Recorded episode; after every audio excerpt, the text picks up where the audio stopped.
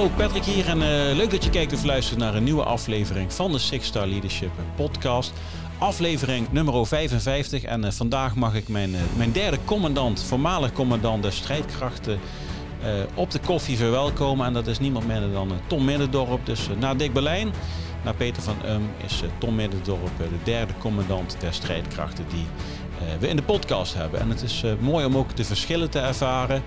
Uh, hoe Dick Berlijn naar de wereld kijkt en als persoon is. Uh, Peter van Um en uh, nu ook Tom Middendorp. Nou, Tom heeft een boek geschreven, ja, De Klimaat Generaal. En dan met name ook het, bouwen aan weerbaarheid. Ik heb dit boek cadeau gekregen van Unico van Coot, een eerdere podcastgast.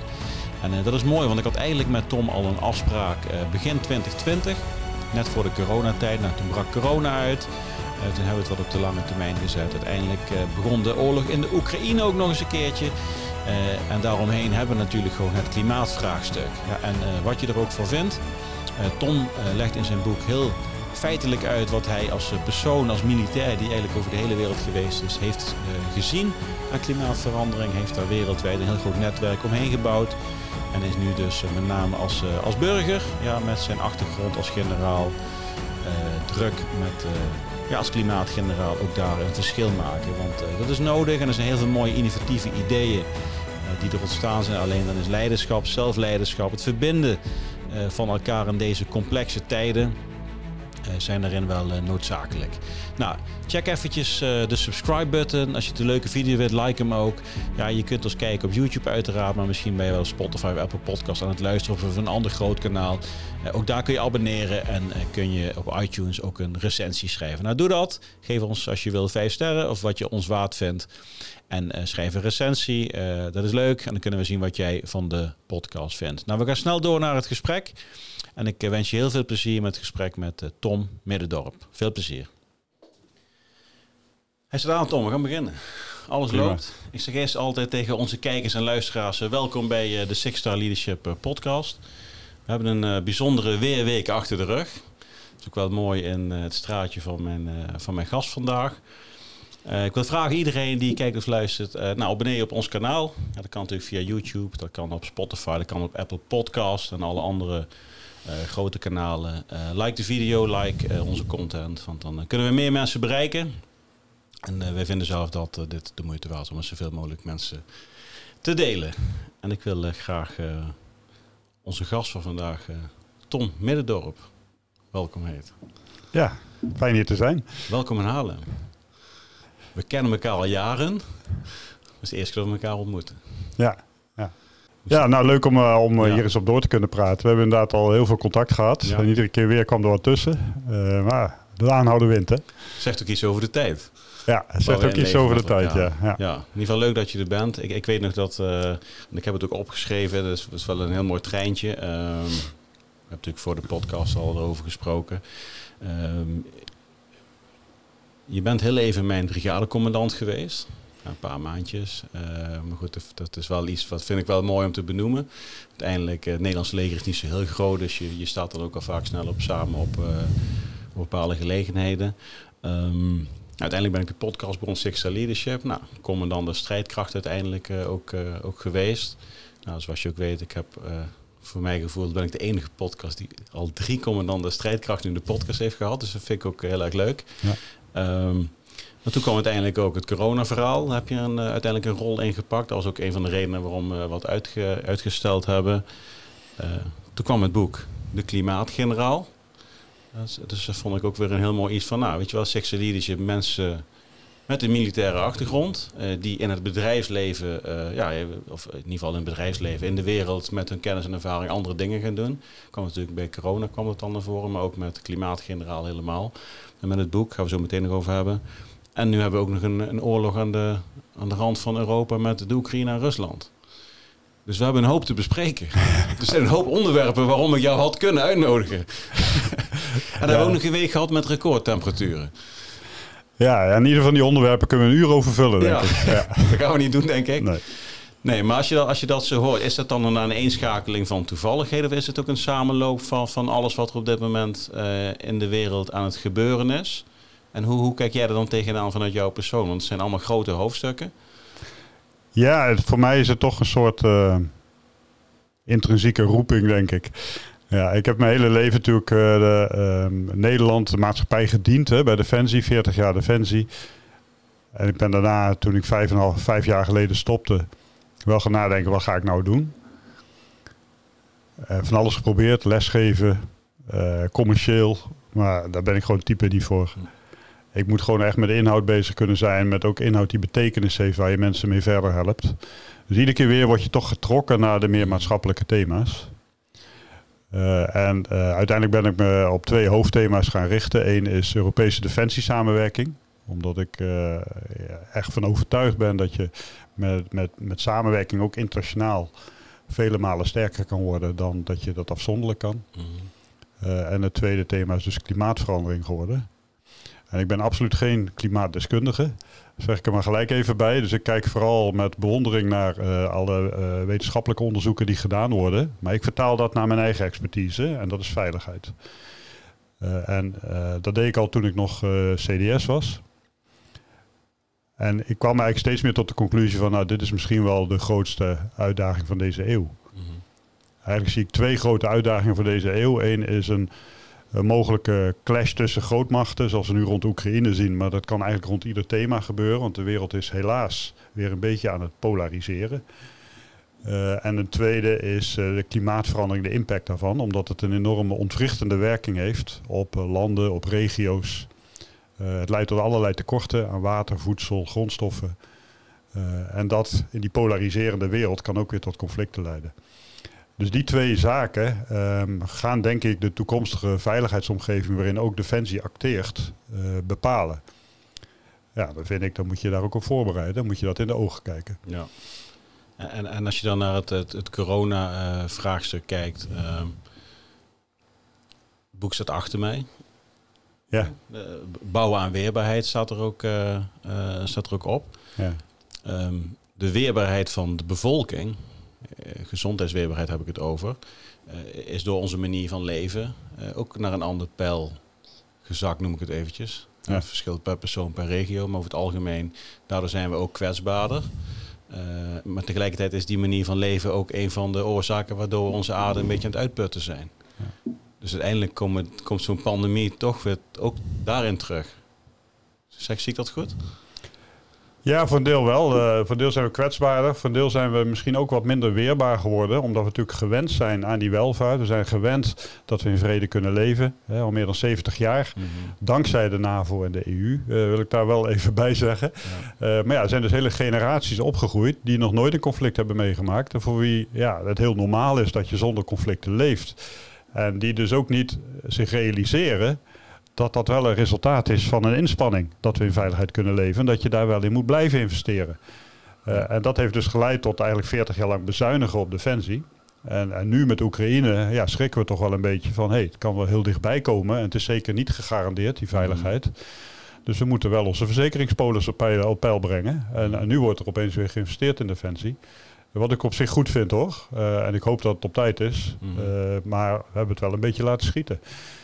en ja, maar daar heb ik me eigenlijk ook in mijn periode wel voor ingezet om, om dat dalende tij uh, om te buigen. Mm -hmm. maar, maar je zegt op zich, is, is dat op zich wel goed of is het goed? Met de investeringen in, in defensie. Nee, dat is zeker goed. Ja. Je, ik vergelijk het altijd met je huis. Hè. Je hebt een inboedelverzekering, je hebt een opstalverzekering. Ja. Uh, en als je huis niet instort en er wordt niks uh, gestolen uit je huis, dan toch hou je die verzekering aan. Ja. En je gaat niet zeggen, nou, ja, nou, er is een jaar niks gestolen, dus ik zeg die verzekering maar dus op. er zal wel niks meer gestolen worden. Ja, nee. en dat moet je bij Defensie eigenlijk ook doen. Als er een jaar veiligheid is, dat mm -hmm. betekent niet dat Defensie niet nodig is. je gaat ook een brandweer niet opheffen als ja. er een jaar geen brand is. dus je moet, dat zijn wel basisvoorzieningen die we in Nederland gewoon in stand moeten houden. Uh, die zorgen dat we in die welvaart, met al die vrijheden die we hebben, die we ook koesteren, mm. dat we zo kunnen blijven leven. En iedere militair die terugkomt van een missie, ja, die, die, die ziet gewoon van, ja, het is toch wel geweldig mooi wat we hier in Nederland hebben. Ja. Want in de hele wereld uh, is iedereen jaloers op de enorme welvaart en vrijheid uh, die we hier hebben. Ja. En dan is er soms nog steeds onvrede. Ja, ja, ja. ja in die zin dus, zijn we misschien ook wel een beetje verwend. Ja, dat klopt. Als ik, als ik uh, um, um, ik heb je boek afgelopen week nog een keer gelezen, want het, is, het was natuurlijk al een tijdje terug. Um, voor mij, als ik, als ik het boek lees, En, en heb ik, ik heb daar ook als rea toen de oorlog met de Oekraïne en, en Rusland startte eigenlijk. Wat uiteindelijk geen oorlog meer is tussen Rusland en Oekraïne. Maar dat is langzaam wat groter aan het worden, wat complexer. Ehm, voor mij was klimaat far away, zeg maar, de grootste bedreiging. Is, nog, is nog steeds, denk ik. Uh, uh, experts, en dan lees je ook al in het boek, het is, het is wel 1 voor 12 of wel 1 over 12. We kunnen het niet meer omkeren, we kunnen wel meer leren leven, lees je al steeds vaker. Dan komt er een oorlog. En voor mijn gevoel dan, als, als, als gewoon als burger, zeg maar, noem ik het eventjes, gaan heel veel middelen, aandacht en energie en, en al beslissingen richten we dan daarop. Ja vind ik heel moeilijk te verklaren voor mezelf. En, en ik heb ook eigenlijk hadden we nu misschien anticyclisch leiderschap moeten toepassen. Door eens totaal anders naar zo'n conflict te gaan kijken. Om dus te voorkomen dat we 30 jaar terug gaan in de tijd. Ja. Maar voor mijn gevoel hebben zijn we wel een beetje dat andere pad gaan wandelen. Ja. Hoe, hoe, hoe kijk jij er tegenaan als hoge militair uh, en nu ook iemand die met klimaat? Ja, ja dat is het, het traditionele spanningsveld tussen korte en lange termijn. Ja. Uh, dat is ook voor de politieke traditionele spanningsveld. Hè. De politiek is toch vaak bezig met de, de, de hectiek van de dag, hè, die ook alle media-aandacht uh, eist. om dat op te lossen. Terwijl je het ook regeren is vooruitzien, naar de langere termijn moet kijken. En dat zie je rond Oekraïne ook. Hè. Oekraïne is natuurlijk heel urgent. en we vinden met z'n allen dat we, dat, dat we daar aan moeten doen, en terecht. maar dat betekent niet dat je niet naar de langere termijn ook moet kijken. En die twee zijn ook wel met elkaar verweven zoals ik net zei, en de klimaatverandering leidt echt tot grote tekorten op, op voedsel en allerlei gebieden en gaat tot dit soort conflicten leiden. dus als je wil voorkomen dat er volgende Oekraïners gaan ontstaan, uh, dan zou je toch ook wel die, eh, die, die bron van conflicten moeten aanpakken. En uh, daar, ja, daar zie ik klimaatverandering als een van de grootste bronnen. en in Oekraïne zie je ook wel dat er indirecte relaties zijn. De hele strijd rond energievoorziening en Nord Stream. Uh, ja, in feite jaagt Oekraïne alleen maar de energietransitie aan. Hè? Want het, wat Oekraïne veroorzaakt, of de, het conflict in Oekraïne, is dat we met z'n allen veel sneller onafhankelijk willen worden in onze energie van landen als Rusland. En dat versnelt, dus een soort aanjagend effect op energietransitie. Dus in die zin heeft dat ook weer een, hopelijk een positieve impact op de aanpak van klimaatverandering. Ja, dat is een crisis nodig om de, de zwaktes bloot te leggen. Ja, ja, Het, is, het is niet direct aan elkaar gerelateerd, maar het effect daarvan is wel duidelijk. En ja, wat we nog gaan merken rond Oekraïne is natuurlijk een enorme voedselproblematiek. Mhm. De graanschuur van de wereld uh, zit daar en die uh, loopt nu gevaar. Uh, deel van de oogst is gewoon verloren. Een ander deel ligt in opslag en gaat misschien verloren. Mhm. en ja, de hele Noord-Afrika, Midden-Oosten, heel veel landen zijn afhankelijk van de graan uit die regio. En ook al is het maar een paar procent prijsstijging, dat is voor vele mensen onbetaalbaar. Ja. En dit gaat tot veel meer dan een paar procent leiden. En in het verleden hebben we daardoor uh, al een hele Arabische lente zien ontstaan. Uh, dus ik vrees dat uh, Oekraïne ook bredere uitstralingseffecten gaat krijgen. met name in de kwetsbare regio's. Ja, want die, die Arabische lente, zoals we noemden, uiteindelijk is die ontstaan vanuit voedsel. Ja, Voor een belangrijk deel, ja. Toen uh, was een combinatie toen van oogsten die in, in Rusland verloren gingen, uh, overstromingen elders, waardoor ook oogsten uh, minder gingen. Waardoor voedselschaarste ontstond. En dat had een aanjagend effect op landen die toch al heel kwetsbaar zijn, waar toch al heel veel onvrede is. Mm. En dan is dat net de druppel die de emmer doet overlopen. Ja, en, en uiteindelijk komt er weer een lappendeken van geopolitieke macht. Wie daar dan op inspeelt om hun, ook hun kans te pakken om daar weer macht of voet aan de grond te krijgen. Daar is in Syrië natuurlijk een mooi voorbeeld van. Ja, dat kan tot geopolitieke consequenties leiden, maar ook gewoon interne. Hè, dat het tot interne conflicten leidt of tot regionale conflicten ja. tussen allerlei etniciteiten en uh, warlords, uh, et cetera. Ja. ja. Als je dan dus daar maak ik me wel zorgen over in relatie tot Oekraïne. Het gaat niet alleen maar om Oekraïne. Het heeft echt wereldwijde uitstralingseffecten. Nog even los van die eh, polarisatie die je nu ziet ontstaan, waar ik me ook wel zorgen over maak hoor. Want je ziet dat Rusland en China uh, ja, een soort verband zijn aangegaan met elkaar. Uh, het zijn absoluut geen broeders. ze liggen in hetzelfde bed, maar het is geen liefdeshuwelijk. Nee, ze hebben hetzelfde doel. maar voor een deel overlappen hun doelen, ja. ja. En, dat is Amerika. En het is toch een beetje afzetten tegen het Westen, ja, een soort tegenblok vormen. Ja. En terwijl we eigenlijk in een, een, periode zaten van globalisering. En globalisering, ja, daar kan je van vinden wat je wil. Maar globalisering leidt wel tot meer wereldwijde afhankelijkheden van elkaar, ook wereldwijde samenwerkingen met elkaar. Mhm. En die polarisatie die nu gaat groeien, ja, die verbreekt dat in feite. Hè. We willen weer meer onafhankelijk worden, we willen meer autonoom worden. Europa wil autonoom worden. Ja. ja dat betekent dat je ook wat meer, iedereen zijn eigen belangen wat meer gaat afschermen.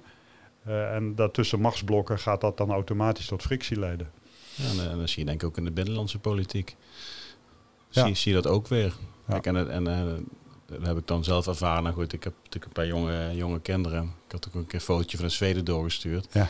En je, je merkt ook op het moment dat het onrustig wordt in de wereld, continent, land, provincie. Uiteindelijk eindigt het gewoon in je eigen huis. En dan wil je dat het daar fijn is. Ja. En, dan, en dan ga je inderdaad wat meer je eigen plannetje trekken. Uh, maar goed, als, als iedereen zijn eigen plannetje gaat trekken, dan ga je er ook weer niet komen. Is dat dan, want je, je, schrijft op een gegeven moment ook van ja, weet je wel, de, de, um, het, het bottom-up uh, uh, leiderschap wat nodig is om buiten gepaande paden te gaan denken. Dat er uh, nou, anders denkende eenlingen, ja, dat die uiteindelijk zeg maar van onderuit veel zichtbaarder moeten worden. Ja. Is dat nou ook echt de tijd nu? Dat ook onder andere dat, dat wat ik net zei van nou, vanuit het gezin, dat je van daaruit weer moet gaan kijken hoe kun je het verschil gaan maken voor elkaar weer. Snap je, snap je wat ik bedoel? Ja, ja, ik denk dat top-down en bottom-up is. En dat probeer ik in dat boek ook wel duidelijk te maken. Dus top-down moet je uh, eisen durven stellen, moet je richting durven, moet je keuzes maken, randvoorwaarden invullen. Uh, moet je ook verbinden, partijen mhm. bij elkaar brengen. Uh, maar de innovatie, de echte, de oplossingsgerichte kracht, die zit mhm. juist onderin. Dat is die hoe. Oh, dat is de hoe-kant, ja. ja. En ja. daar moet je juist de kracht van het individu durven gebruiken. Ik geef in dat boek ook heel veel voorbeelden van, van individuen, van mensen die binnen hun invloedssferen uh, tot enorme veranderingen kunnen komen die je heel breed kan toepassen. Uh, dus ik geloof echt in de overlevingskracht van het individu, in de, in de innovatieve vermogen van het individu. En de kunst is om die dus te ontsluiten. En dat heb ik in, in mijn militaire loopbaan ook wel geleerd. dat voor wat voor probleem je ook staat, de oplossingen liggen vaak voor het oprapen. Hm. Maar dan moet je wel naar je mensen toe gaan. Dan moet je naar, naar je mensen, echt met je mensen in gesprek gaan en naar ze luisteren van ja, hoe zie jij dit? Hoe zou jij ermee omgaan? Of hoe, uh, wat, wat voor wegen zie je daarin? en dat, dat heb ik voor mezelf ontwikkeld als een soort methodiek bij iedere functie die ik begon. Dat ik uh, wel, ja, als je een functie begint, sta je ook even op de zeepkist. Maar ging ik nooit vertellen wat ik precies ging doen. Dus ik, ik, gaf wel aan welke waarden, normen, wat ik belangrijk vond. Mhm. En wat ik zo mooi vond om uh, commandant van die eenheid te mogen zijn. Maar ik zei, ik ga de komende weken eerst met jullie praten. Ik wil jullie leren kennen. Ik wil weten waar zitten onze sterke en zwakke punten. Wat is er nodig om de eenheid verder vooruit te helpen? Dat wil ik graag van jullie horen. En dan gaan we de koers bepalen. Ja. En dat deed ik ook. Dus de eerste weken maakte ik gewoon mijn agenda helemaal vrij. Ging bij alle eenheden langs. Praat met de commandant, met de onderofficieren, met de, de mensen op de werkvloer. Ging een dag lang meelopen. En dan weet je precies, precies in alle hoeken en gaten hoe de vlag erbij hangt. En het leuke is, daar hoor je heel veel ideeën die op de werkvloer leven. Van ja, we zouden het op die manier kunnen oppakken. Maar ja, het moet wel dat en dat ingevuld worden. Ja. Uh, en als je dat dan bij elkaar gaat brengen, ja, dan komt daar een koers uit die uh, onmiddellijk ook draagvlak heeft. Ja, die is gebaseerd op de, hoe, hoe de mensen het zelf zouden ja. doen. Ja. Dus wat ik deed, ik bracht dat dan bij elkaar. Dan ging ik met de, met de, met de commandanten, met de kaderleden, ging ik dan weer bij elkaar zitten. Ik zei, ja, ik ben bij jullie allemaal rond geweest. Uh, dank voor de gastvrijheid. Uh, maar dit is het beeld dat ik krijg. De koffie was overal even goed. Ja. ja. Dit is het beeld dat ik krijg. Klopt dit? Of heb ik iets gemist misschien? Nou, dat klopt natuurlijk altijd. Mm -hmm. En had je een gezamenlijk startbeeld. Ik zei, en het leuke was, dat van jullie mensen hoor ik die en die en die oplossingen. Nou, dan ga je daar even over in gesprek. Maar al, al snel blijkt dat dat eigenlijk wel oplossingen zijn die iedereen aanspreken. Nou, en dan kan je zo je koers bepalen. En dan heb je een koers die uh, van hoog naar laag draagvlak heeft. Mm -hmm. En dan kan je ook heel snel kan je een veranderingsproces in beweging zetten. Ja. En dat is een methodiek, ja, die heb ik ook gaandeweg uh, geleerd. Die denk ik ook hier in dat klimaatverhaal uh, heel hard nodig is. Ja, dus ik, ik, verbind mij ook. Uh, ik ben enerzijds heel top-down bezig.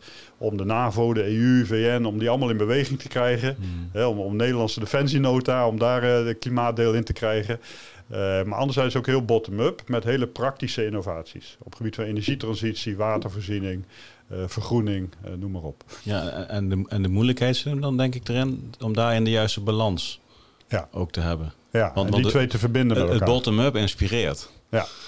Maar uh, top-down is nodig om er snel een bepaalde richting uit te gaan. Dus... Ja, en bottom-up doet ook geloven. Hè? Dus uh, zien doet geloven. Op het moment dat je bottom-up bepaalde best practices hebt, dat je mooie voorbeelden kan geven, dan uh, ja, krijgen mensen ook meer vertrouwen in de haalbaarheid van iets. Mm -hmm. Hè, als het alleen maar een abstract verhaal is van bovenaf, dan is voor de meeste mensen toch een ver van mijn bedshow. Hè, ja. Terwijl je het heel dichtbij kan brengen, maar heel tastbaar kan maken in hele mooie voorbeelden, ja, dan gaat het spreken. Ja. En dan hebben mensen zoiets van, hé, hey, ja, het is al een enorm breed en complex onderwerp, maar ik kan in mijn omgeving kan ik ook iets betekenen. Mhm. En, en dat probeer ik in beweging te krijgen. Is dat iets wat je, wat je ontwikkeld of is- zit dat in jou? Of is dat iets wat je ook ontwikkeld hebt in al die jaren eh, bij Defensie om steeds weer daarin beter te worden? Eh, ik denk beide. Ja, ik denk eh, in de, mijn, mijn, mijn, mijn leerproces binnen Defensie, wat trouwens, mijn leerproces gaat nog steeds door Ja, hoor. Ik leer nog iedere dag. Eh, maar mijn leerproces in Defensie is wat ik, wat ik een beetje net beschreef. Hè, dat ik toch wel heb geleerd om, om goed ja, die, die, die awareness op te bouwen en, en die awareness te blijven opbouwen in je werk. Dus ook toen ik CDS was, iedere dag zat ik bij de DOPS, bij de directeure operaties, om gewoon goed feeling te houden met hoe dingen lopen. En iedere week ging ik naar een eenheid toe. En dat was altijd een eenheid die ik niet kende of een eenheid die in de problemen zat. Eh, om zo gewoon goed feeling te houden met, met hoe hangt de vlag erbij, wat kunnen ze wel, wat kunnen ze niet, waar lopen ze tegenaan, wat kan ik daaraan doen. Eh, en dat heeft mij enorm geholpen. Eh, en dus in die, in die hele loopbaan heb ik wel geleerd om vooral ook mezelf te dwingen te blijven luisteren naar de mensen en daar op te halen wat eh, oplossingsrichtingen zijn. Er dan ook vooral zeg maar, zorgen dat je de eh, juiste vragen kunt, kunt stellen? Ja, Dat, Ja, en de- dat zie ik eens bij leiders fout gaan. Ja. Hè, want dat is wel een valkuil van leiderschap. Is als hoe hoger je komt, eh, hoe meer eh, je gestreeld wordt. En hoe meer jouw ego gevoed wordt. Mm. Dus de kunst is wel om boven je ego uit te blijven stijgen. De kunst is wel om je kwetsbaar te blijven opstellen. De kunst is wel om te blijven luisteren. En niet te denken dat jij alle wijsheid in pacht hebt. En te trots te zijn om niet te luisteren. Mhm. Ja, dus, en dat zie ik te veel gebeuren. Ik heb hele goede, hele potentieel eh, zeer capabele leiders eh, daar eigenlijk aan ten onder zien gaan dat, dat ze te veel hun ego lieten overheersen.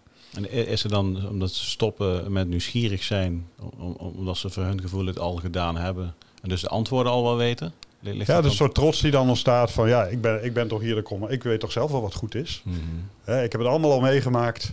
Mij maken ze niks meer wijs. En dan stopt gewoon het leren. Ja. Dan sta je niet meer open om te leren. En dan haakt de helft van de mensen ook niet meer aan. Nee, daar haken mensen af. Die kunnen hun idee ook niet meer kwijt. Jij leeft in je eigen werkelijkheid. Je hebt ook een aantal mensen om je heen. Ja, die willen ook carrière maken. Dus die, die voeden jou, die geven jou allemaal gelijk. Eh, dus die voeden dat ego van jou. Ja, als je daar gevoelig voor bent, dan eh, op een gegeven moment kom je erachter dat je niet zoveel draagvlak meer Ja. hebt. Je, bent, je bent dienstplichtig opgekomen, denk ik? Nee. Gewoon meteen beroeps? Je bent meteen in de? KMA gegaan. Ja. Welk jaar was dat? Lang geleden? Dat was in eh 79. 79. Dus Ja. toen ben je, denk ik, 82 of zo als, als jonge commandant eh, eerste functies gaan draaien.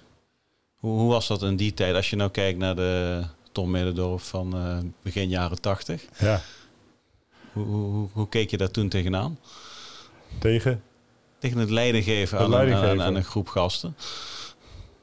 Ja, ik, ik, eh, hoe ben ik bij Defensie gekomen? Het was niet echt een roeping voor mij. Ik ben nooit echt, eh, ik heb nooit militairtje gespeeld of zo. Ik ben nooit echt eh, Defensie bezig geweest. Ehm, ik merk, eh, achter ik terugkijk, merk ik wel dat mensen dat wel in mij zagen. Mhm. Dus ze wilden mij ook aanvoerder van het team maken met sporten en zo, terwijl ik daar zelf helemaal niet op zat te wachten. Eh, dus blijkbaar zag men dat wel in mij, maar ik zag het niet in mezelf. En ik wilde eigenlijk een technische studie gaan doen, dus ik had me al aangemeld voor de TU in Delft om daar te gaan studeren. Maar ja, daar had ik niet helemaal goed gevoel bij. Ik dacht, ja, het is wel heel eenzijdig. Je gaat een technische studie doen, dan ga je een baantje doen, geld verdienen. En op een of andere manier trok me dat niet aan. Ja.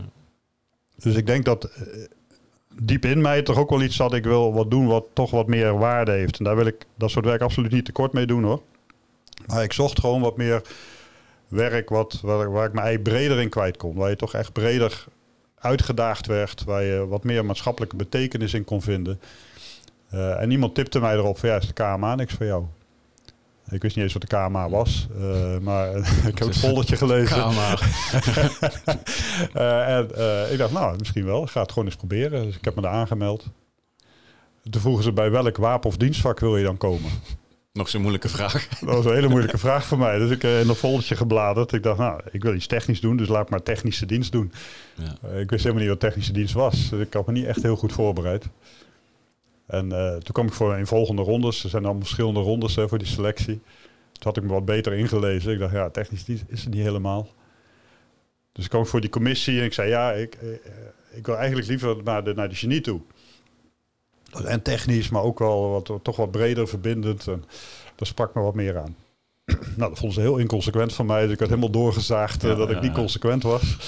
Ik zei, ja, graag of niet, dat wil ik gewoon doen.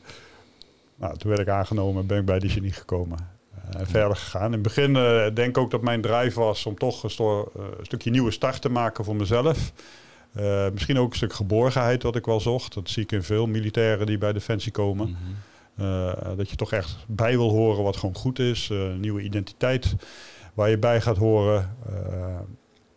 maar na verloop van tijd merkte ik wel dat ik steeds meer aan Defensie gebonden raakte.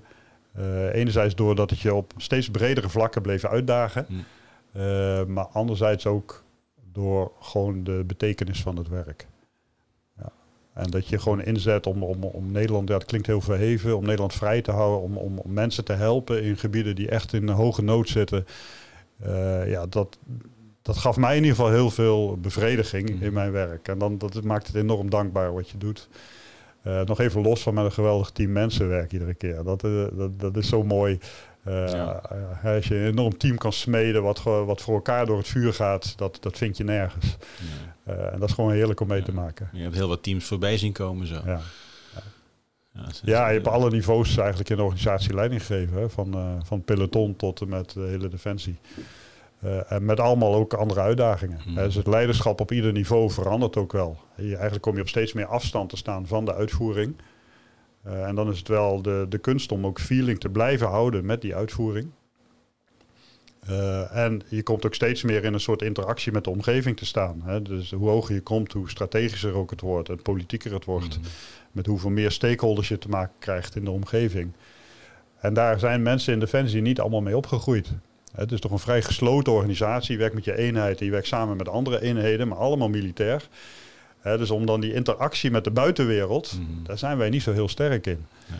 Uh, en uh, ik merkte wel dat daar mijn kracht wel in lag. Om uh, de interactie te zoeken, ook met andere ministeries, met buitenlandse zaken, ontwikkelingssamenwerking, maar ook met bedrijfsleven, met andere landen. dus die, die bredere verbinding, daar heb ik mezelf wel in leren ontdekken. intuïtief werd ik daar naartoe getrokken. En ik, ik, merkte gewoon dat ik daar wel een soort, soort bruggenbouwer in was. Dat dat wel een kwaliteit was die in mij zat. Ja, en, en dan, dan zijn we, gaan we even 40 jaar vooruit in de tijd. Uh, iets minder, denk ik. En dan kom je dus uh, iemand tegen die water uh, in de woestijn met een Ja. klein condensatortje kan maken. Ja. Die waarschijnlijk een achtergrond bij de TU Delft misschien heeft. Ik denk het niet Nee, in dit geval. niet. Maar, maar dat, Nee. zou, dat zou zomaar uiteindelijk dan daar weer kunnen samenkomen. Toch dat technische. Wat dan ook voor zingeving zorgt. ja. Dus ligt daar ook jouw jouw interesse van goh, die, die oplossingen en het, de micro uitvindingen die het verschil kunnen maken voor een hele aarde? Ja, ik, kijk, ik heb nu met name de laatste jaren, hè, TVU-commandant, directeur operaties, CDS, heb je op die interactie gewerkt tussen enerzijds politieke doelstellingen en uh, uh, allerlei vormen van crisisbeheersing vertalen naar de uitvoering. Mm -hmm. Hè, dus die vertaling van, van heel abstract naar heel concreet, in, in die vertalingsslag heb ik altijd gewerkt. Uh, en dat sprak mij ook hierin aan. En dan leer je ook wel aanvoelen van, hé, hey, waar, zit, waar zit potentie in? En toen deze man mij aansprak, dat was op een Future Force conferentie, uh, had ik net een, een gloedvol betoog gehouden over hoe Defensie een uh, platform voor innovatie kan zijn. En toen kwam hij naar me toe en dit was een kunstenaar. Dat was ook geen techneut, dat was een kunstenaar. En uh, een beetje ziet er ook wat verwilderd uit. Een grote zo, dikke bril. Zoals een kunstenaar ja. eruit ziet. Ja. en die zei, ja, generaal, een mooi verhaal. maar ik heb hier iets, ik ben bezig met een innovatie. Uh, en daar uh, wil ik dan graag uw hulp bij hebben. Ik wil water uit woestijnlucht halen. En dan ging hij vol vuur ging hij daarover praten, tien minuten lang. Hij kreeg er geen woord tussen. En dat klonk te fantastisch om waar te zijn. Want hij, had een, hij wilde een klein apparaatje maken, goedkoop, bestaande technologie, een zonnepaneeltje. En daarmee dus water uit de woestijnlucht halen. En er was geen bedrijf in de wereld is dat gelukt. Je kan er een koelkast in de woestijn zetten, die maakt wel water. Uh, maar dat kost heel veel stroom. Maar hij wilde het met heel weinig stroom doen. En alle wetenschappers hadden tegen hem gezegd van ja, wat jij wil, dat kan niet. Dat gaat tegen alle dat is wetenschappelijk onmogelijk wat jij wil. Dat kan niet. Ja, ja. Maar en deze man was, was, echt enorm eigenwijs. Uh, dat sprak me ook wel aan trouwens. En uh, hij zei, nou, ik, ik denk dat het wel kan. En ik ga het gewoon proberen. Maar ja, de financiers zeiden tegen hem, ja, als de wetenschappers zeggen dat dit niet kan, dan gaan wij er niet in financieren. Dat is weggegooid geld. Hm. Dus hij heeft helemaal uit eigen zak gedaan. Dus toen hield hij dat verhaal tegen mij. En in eerste instantie wilde ik hem eigenlijk eh, feliciteren. En eh, ik dacht, nou, succes wensen en doorlopen. Goed verhaal. Ja. Ja. En toen dacht ik, ja, wie A zegt moet ook B zeggen. Dus ik, ik zei, oké, ik ga jou een kans bieden. Volgende week haal je team bij elkaar. Zorg ik dat jij in een vliegtuig stapt. Brengen we jou naar Mali, naar de woestijn. Veilige omgeving, militair kamp. Zorg voor een bedje en, eh, en wat te eten. En een veilige omgeving. En kan jij jouw ding testen. Nou, daar schrok hij wel eventjes van. Maar hij heeft het wel gedaan. En hij is er naartoe gegaan. En hij is zijn apparaatje gaan testen daar. Eh, en het lukte hem om eh, een glas water uit woestijnlucht te halen. Hm. Met heel weinig stroom dus. Met zo- zo'n klein apparaatje. Alleen ja, een glas water per dag. Dat zet niet echt zoden aan de dijk. en Het verdampt bijna even snel. Maar hij is daarmee verder gegaan. En Defensie is hem ook blijven helpen. Hij is verbonden aan de Field Lab Smart Base eh, van, de, van de landmacht. En bij de luchtmachten heeft hij in de klimaatkamers in Woensdrecht zijn testen gedaan. eh, op, de, op de vliegbasis. Eh, hij is dat door gaan ontwikkelen en vorig jaar heeft hij een apparaat opgeleverd eh, aan Defensie, wat gewoon 30 liter water per dag uit woestijnlucht haalt. Ja. En op de World Expo vorig jaar stond hij ook met een wat grotere versie van dat apparaat. En haalde hij 1000 liter water per dag Ja. uit de lucht. Ja, Kijk, en dat- nou wordt het interessant. Hè? dat, want dat dus- was dus- in Dubai wat in het boek geschreven in Dubai, wordt, ja. ja. En nou wordt het interessant, want met, met zo'n innovatie, het is goedkope technologie. Het is helemaal zelfvoorzienend. Mhm. Dus je hebt geen stekker of stopcontact nodig. Je kan het gewoon ergens neerzetten en het produceert water. Kan je echt een enorme verandering teweeg brengen. Want nu hebben wij in Noord-Afrika te maken met oprukkende woestijnen. Nu zie je dat hele volkstammen, die worden gewoon gedwongen om weg te trekken uit regio's waar ze eeuwenlang hebben gewoond. Hebben geen perspectief meer voor hun families. Dus je krijgt hele grote migratiestromen. Ja, om een gezin te onderhouden moet je ander werk gaan zoeken. Dat is er niet. Dus vaak komen ze in de handen van georganiseerde criminaliteit of van extremisme. Mhm. Eh, en ja, dat is dus een soort negatieve spiraal die daar eh, nu aan de gang is. Op het moment met dit soort uitvindingen kan je dus zorgen dat die mensen wel kunnen blijven waar ze hebben gewoond. Kan je helpen om dat gebied toch weer vruchtbaar te krijgen. Mhm. Dus ik geloof echt in de kracht van dit soort innovaties. En ik gebruik dit voorbeeld ook om te laten zien hoe één individu die durft door te zetten een verschil kan maken. Ja. Omdat ik gewoon merk dat op klimaatgebied iedereen vindt het gewoon te groot, te complex. En wat kan ik daar nou aan doen? Nou, kijk eens naar die vent. En zo heb ik heel veel van die voorbeelden verzameld. Kijk eens naar die, kijk eens naar die. Wat, wat die allemaal in hun eigen invloedssfeer wel kunnen doen. En als we dat allemaal gaan doen... Heel veel druppeltjes maken ook een rivier, hè? Ja, Als we dat allemaal gaan doen, komt er ook iets in beweging. Dus ik Ja. probeer daarmee wel mensen te inspireren... om ook, ook al is het niet groots en fantastisch... om toch binnen de eigen omgeving wel die verandering in beweging te zetten. Ja. En, en, is jou- jouw rol daarin dan nu ook, en misschien herken je dat ook wel toen je nog commandant was, eh, dat je eh, eigenwijze mensen de ruimte moet geven om eigenwijs te zijn? Ja, ik was zelf ook, eh tenminste vond ik dan, eh, redelijk eigenwijs. Eh, dus ik, ik heb wel Ik geef je altijd... ook de ruimte nu. Hè? nee, maar ja, dat, je moet het ook durven zijn. Ja. Je, je, je hebt mensen die in een hiërarchisch systeem opgroeien... die alles, alle checks in de box willen hebben. Ja. De, zon, de, en die komen ook een heel eind. de zonnecellen gaan omhoog nu achter ons. Maar Ja. die gaan het verschil niet maken. Nee. Eh, En je hebt mensen nodig die, die enerzijds wel in dat systeem kunnen meegroeien, die zich daar ook thuis in voelen, maar die ook de grenzen durven te verleggen. Eh, en daar heb ik heel veel voorbeelden van gezien. Ik heb ook eh, honderden voorbeelden van leiderschap gezien. Eh, allemaal totaal verschillende leiders, Mhm. die toch ook heel effectief leiding konden geven. Dus ik heb altijd wel wat moeite met, met managementboekjes die zeggen van ja, je hebt dat type leiderschap en dat type leiderschap en dat type is vooral voor die situatie. Ja, en dat soort blokjes moet je denk ik niet denken. Het, gaat erom dat je mensen gewoon in hun eigen kwaliteit gebruikt. Dat je mensen ook de tools geeft om effectiever eh, eh, leider te worden. En, en vooral de kracht uit hun eenheid naar boven te halen. En in iedere eenheid zit gewoon enorm veel kracht. Zit heel veel, zitten allemaal individuen die heel veel in zich hebben. Ja, hoe haal ik het maximale uit die individuen? En dat is dus ook op innovatievlak. Gaat het er dus om dat je ruimte geeft aan mensen om, om, om hun capaciteiten maximaal tot groei te laten komen.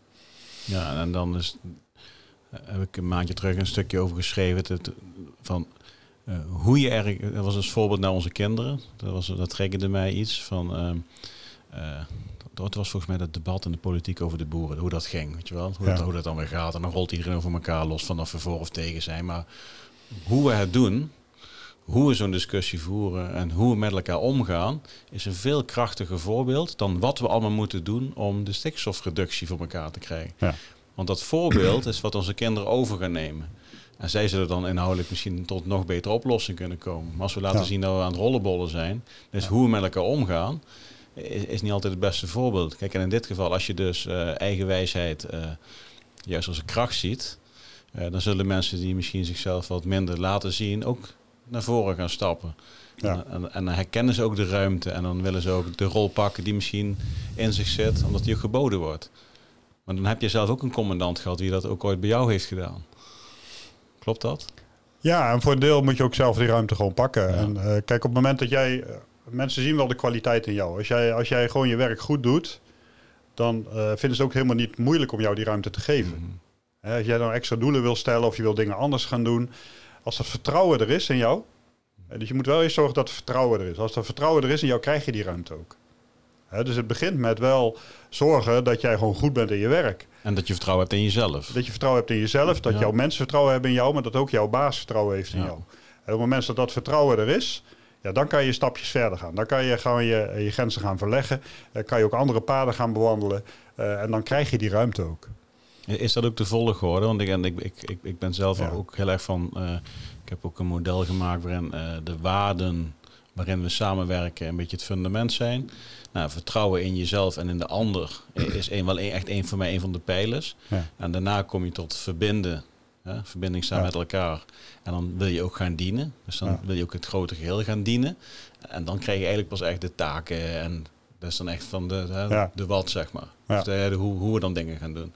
Is, is dan vertrouwen in de volle geworden? Of, ik, moet eerst echt goed vertrouwen zijn met mezelf. Daarna zorgen dat ik het vertrouwen krijg van de mensen om me heen. En daarna manage je manager. Noem ik het dan eventjes. Manage je hogere leidinggevende of de, de man met nog meer invloed waar ik nog niet aan kan komen. Ja, Is, is dat ook de kring waarin je dan moet werken? ja als ik, eh, ik heb dat voor mezelf gedaan. Hè, van, ja, natuurlijk 40 jaar lang leiding gegeven. Ik heb ook honderden leiders aan het werk gezien. Hè, van wat is nou voor mij de essentie van leider, leiding geven? Eh, en dan kan ik het terugbrengen naar, naar drie componenten. Eén is richting geven. En richting geven, eh, hè, dat is een commanders intent in feite. Dat is koers bepalen, maar dat is ook inspireren. Eh, het tweede is mogelijk maken. Dat zijn eh, randvoorwaarden invullen voor succes van jouw mensen. En het derde is verbinden. Partijen bij elkaar brengen, team bouwen. Eh, dat zijn de drie kernelementen. Eh, en het fundament daaronder is vertrouwen. Zonder vertrouwen kan je nog zo goed richting geven, kan je nog zo goed alle randvoorwaarden invullen, maar gaat het niet goed. Mensen moeten het accepteren van jou in, in jouw omgeving. En vertrouwen werkt dus voor mij in, in vier richtingen.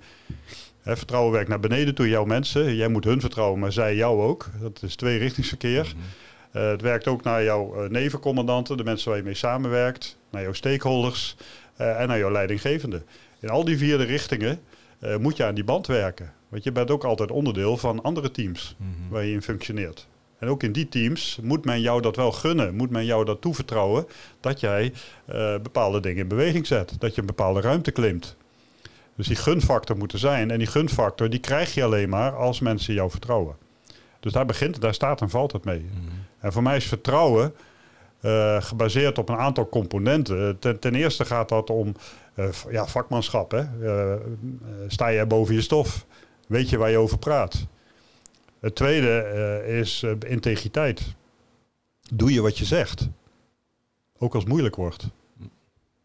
Of ga je dan ineens stoppetje spelen? Daar zie ik heel veel leiders fout, de fout in gaan. Dat is toch risicoloos. Oh, dit kan ten koste van mijn carrière gaan. Laat ik me even een stapje terug doen. Of blijf je dan ook voor je mensen staan? Dat vind ik wel belangrijk. Het derde is eh, empathie. Hè, dat je toch gewoon blijft aanvoelen van wat leeft er binnen mijn eenheid. Wat, eh, hoe hangt de vlag erbij en wat kan ik wel en wat kan ik niet. En daar heb ik echt in mijn carrière flinke fouten mee gemaakt. Dat ik te gedreven was, de lat te hoog legde, waardoor het niet haalbaar was voor mijn mensen. En ze op een gegeven moment gewoon afhaken. En dan schaadt je de andere componenten dus ook. Ja. ja. Ja, dat gaat ten koste ook van je vertrouwen. Dus het is wel zaak, eh, en daarom ben ik dat voor mezelf ook steeds meer gaan afdwingen, dat ik gewoon continu feeling houd met, de met de praktijk. Eh, op bezoek ga, werkbezoeken ga, eh, iedere dag me laat updaten, om, om wel die, die, die, die contact met de, de uitvoering te behouden. Eh, en en ja, die componenten, die uh, maken eigenlijk in hoeverre je iemand wel of niet vertrouwt. Ga maar eens voor jezelf na. Mm. Wat is de beste baas die ik ooit heb gehad? En dan, als je die uh, voor je beeld hebt, van waarom was dat voor mij de beste baas? Wat sprak mij nou in, in die persoon aan? Ja. En dan weet ik zeker dat dat een van deze dingen is. Ja, dan het eerste woord wat er mij opkomt, ja, we wisten precies wat we aan elkaar hadden. Ja. Maar dat is dan dus inderdaad vertrouwen. Ja, dat heeft dus met die integriteit te maken. Ja. ja. Maar, maar dan is zeg maar, uh, het moet wel authentiek zijn ook. Ja. Want dan, anders dan prik je daar natuurlijk zo doorheen. Want het is, het is natuurlijk wel iets wat heel diep gaat. Ja. Echt vertrouwen. Kijk, bij Defensie, uh, ik denk dat dat ook door de omstandigheden en de dingen die we met elkaar meemaken. En kijk, je, je komt er ook niet mee weg om niet, niet, niet betrouwbaar te zijn. Ja. Eerder als in het bedrijfsleven, denk ik. Ja, je wordt er sneller op afgerekend. Ja, dus, natuurlijk. Dus, dus, de lat die, die, die ligt erin wat anders. Maar daardoor zie je juist het belang van vertrouwen. Want de situaties waar je onverwacht in komt, eh, vragen om. Uh, ja, ja. ja, Koen Prosm heeft er een boek over zich blind vertrouwen. Dus dat is natuurlijk een mooi woord. Ja. Vragen om blind vertrouwen. Ja, en in de militaire omgeving is dat natuurlijk heel extreem. Hè? Want wij moeten gewoon blind op elkaar kunnen vertrouwen. Mhm. Je moet gewoon zeker weten, onder vuur, als ik opsta, dan staat hij naast mij ook op. En die geeft mij dekking. Als je daar niet op kan vertrouwen, ja, dan gaat het echt om je eigen leven, om leven en dood.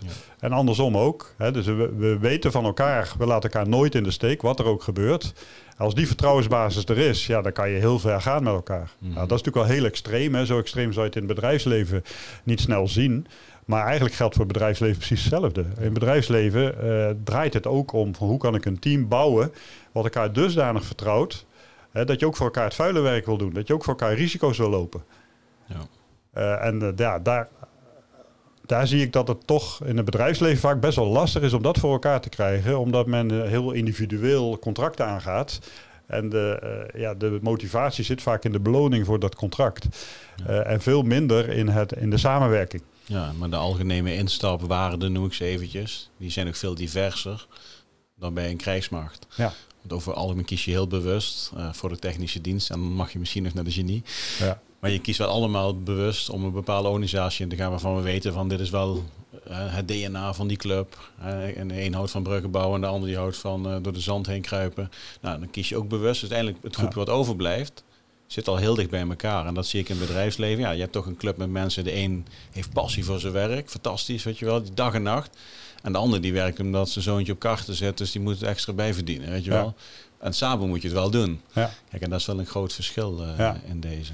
Maar ik denk wel dat het bedrijf wat erin slaagt om, om toch die diepere verbinding uh, te zoeken met elkaar. Hè, de Y-kant van Cinec. Ja. Uh, ja, dat is wel het bedrijf wat het meest uit zijn mensen kan halen. 100% wat de grootste betrokkenheid van zijn mensen heeft. Hè. Dus het is wel de kunst om te zorgen dat je mensen trots zijn. Hè. Trots zijn op hun werk, trots zijn op de eenheid waar ze in werken of het bedrijf waar ze in werken. Mm. En dat geeft enorm veel energie. Ja, eens. Als je, als je naar, naar het vertrouwen en je kijkt naar het klimaat.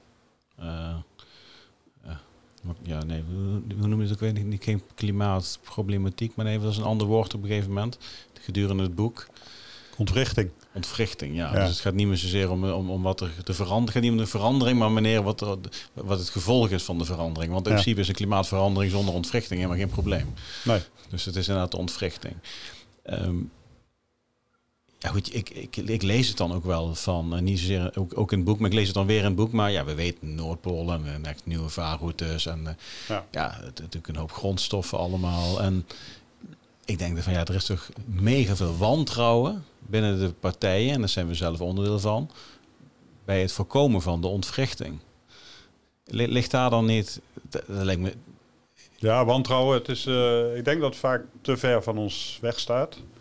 Hè, waardoor we ons toch veel liever richten op de urgente problemen van nu. Mm Op de inflatie of Oekraïne. Of, uh, en niet op de langere termijn problemen.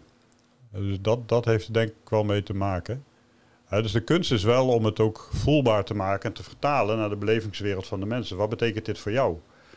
Uh, en daar denk ik dat uh, ook de, de, het IPCC, hè, die al die klimaatrapporten schrijft, nog wel een slag in zou kunnen maken.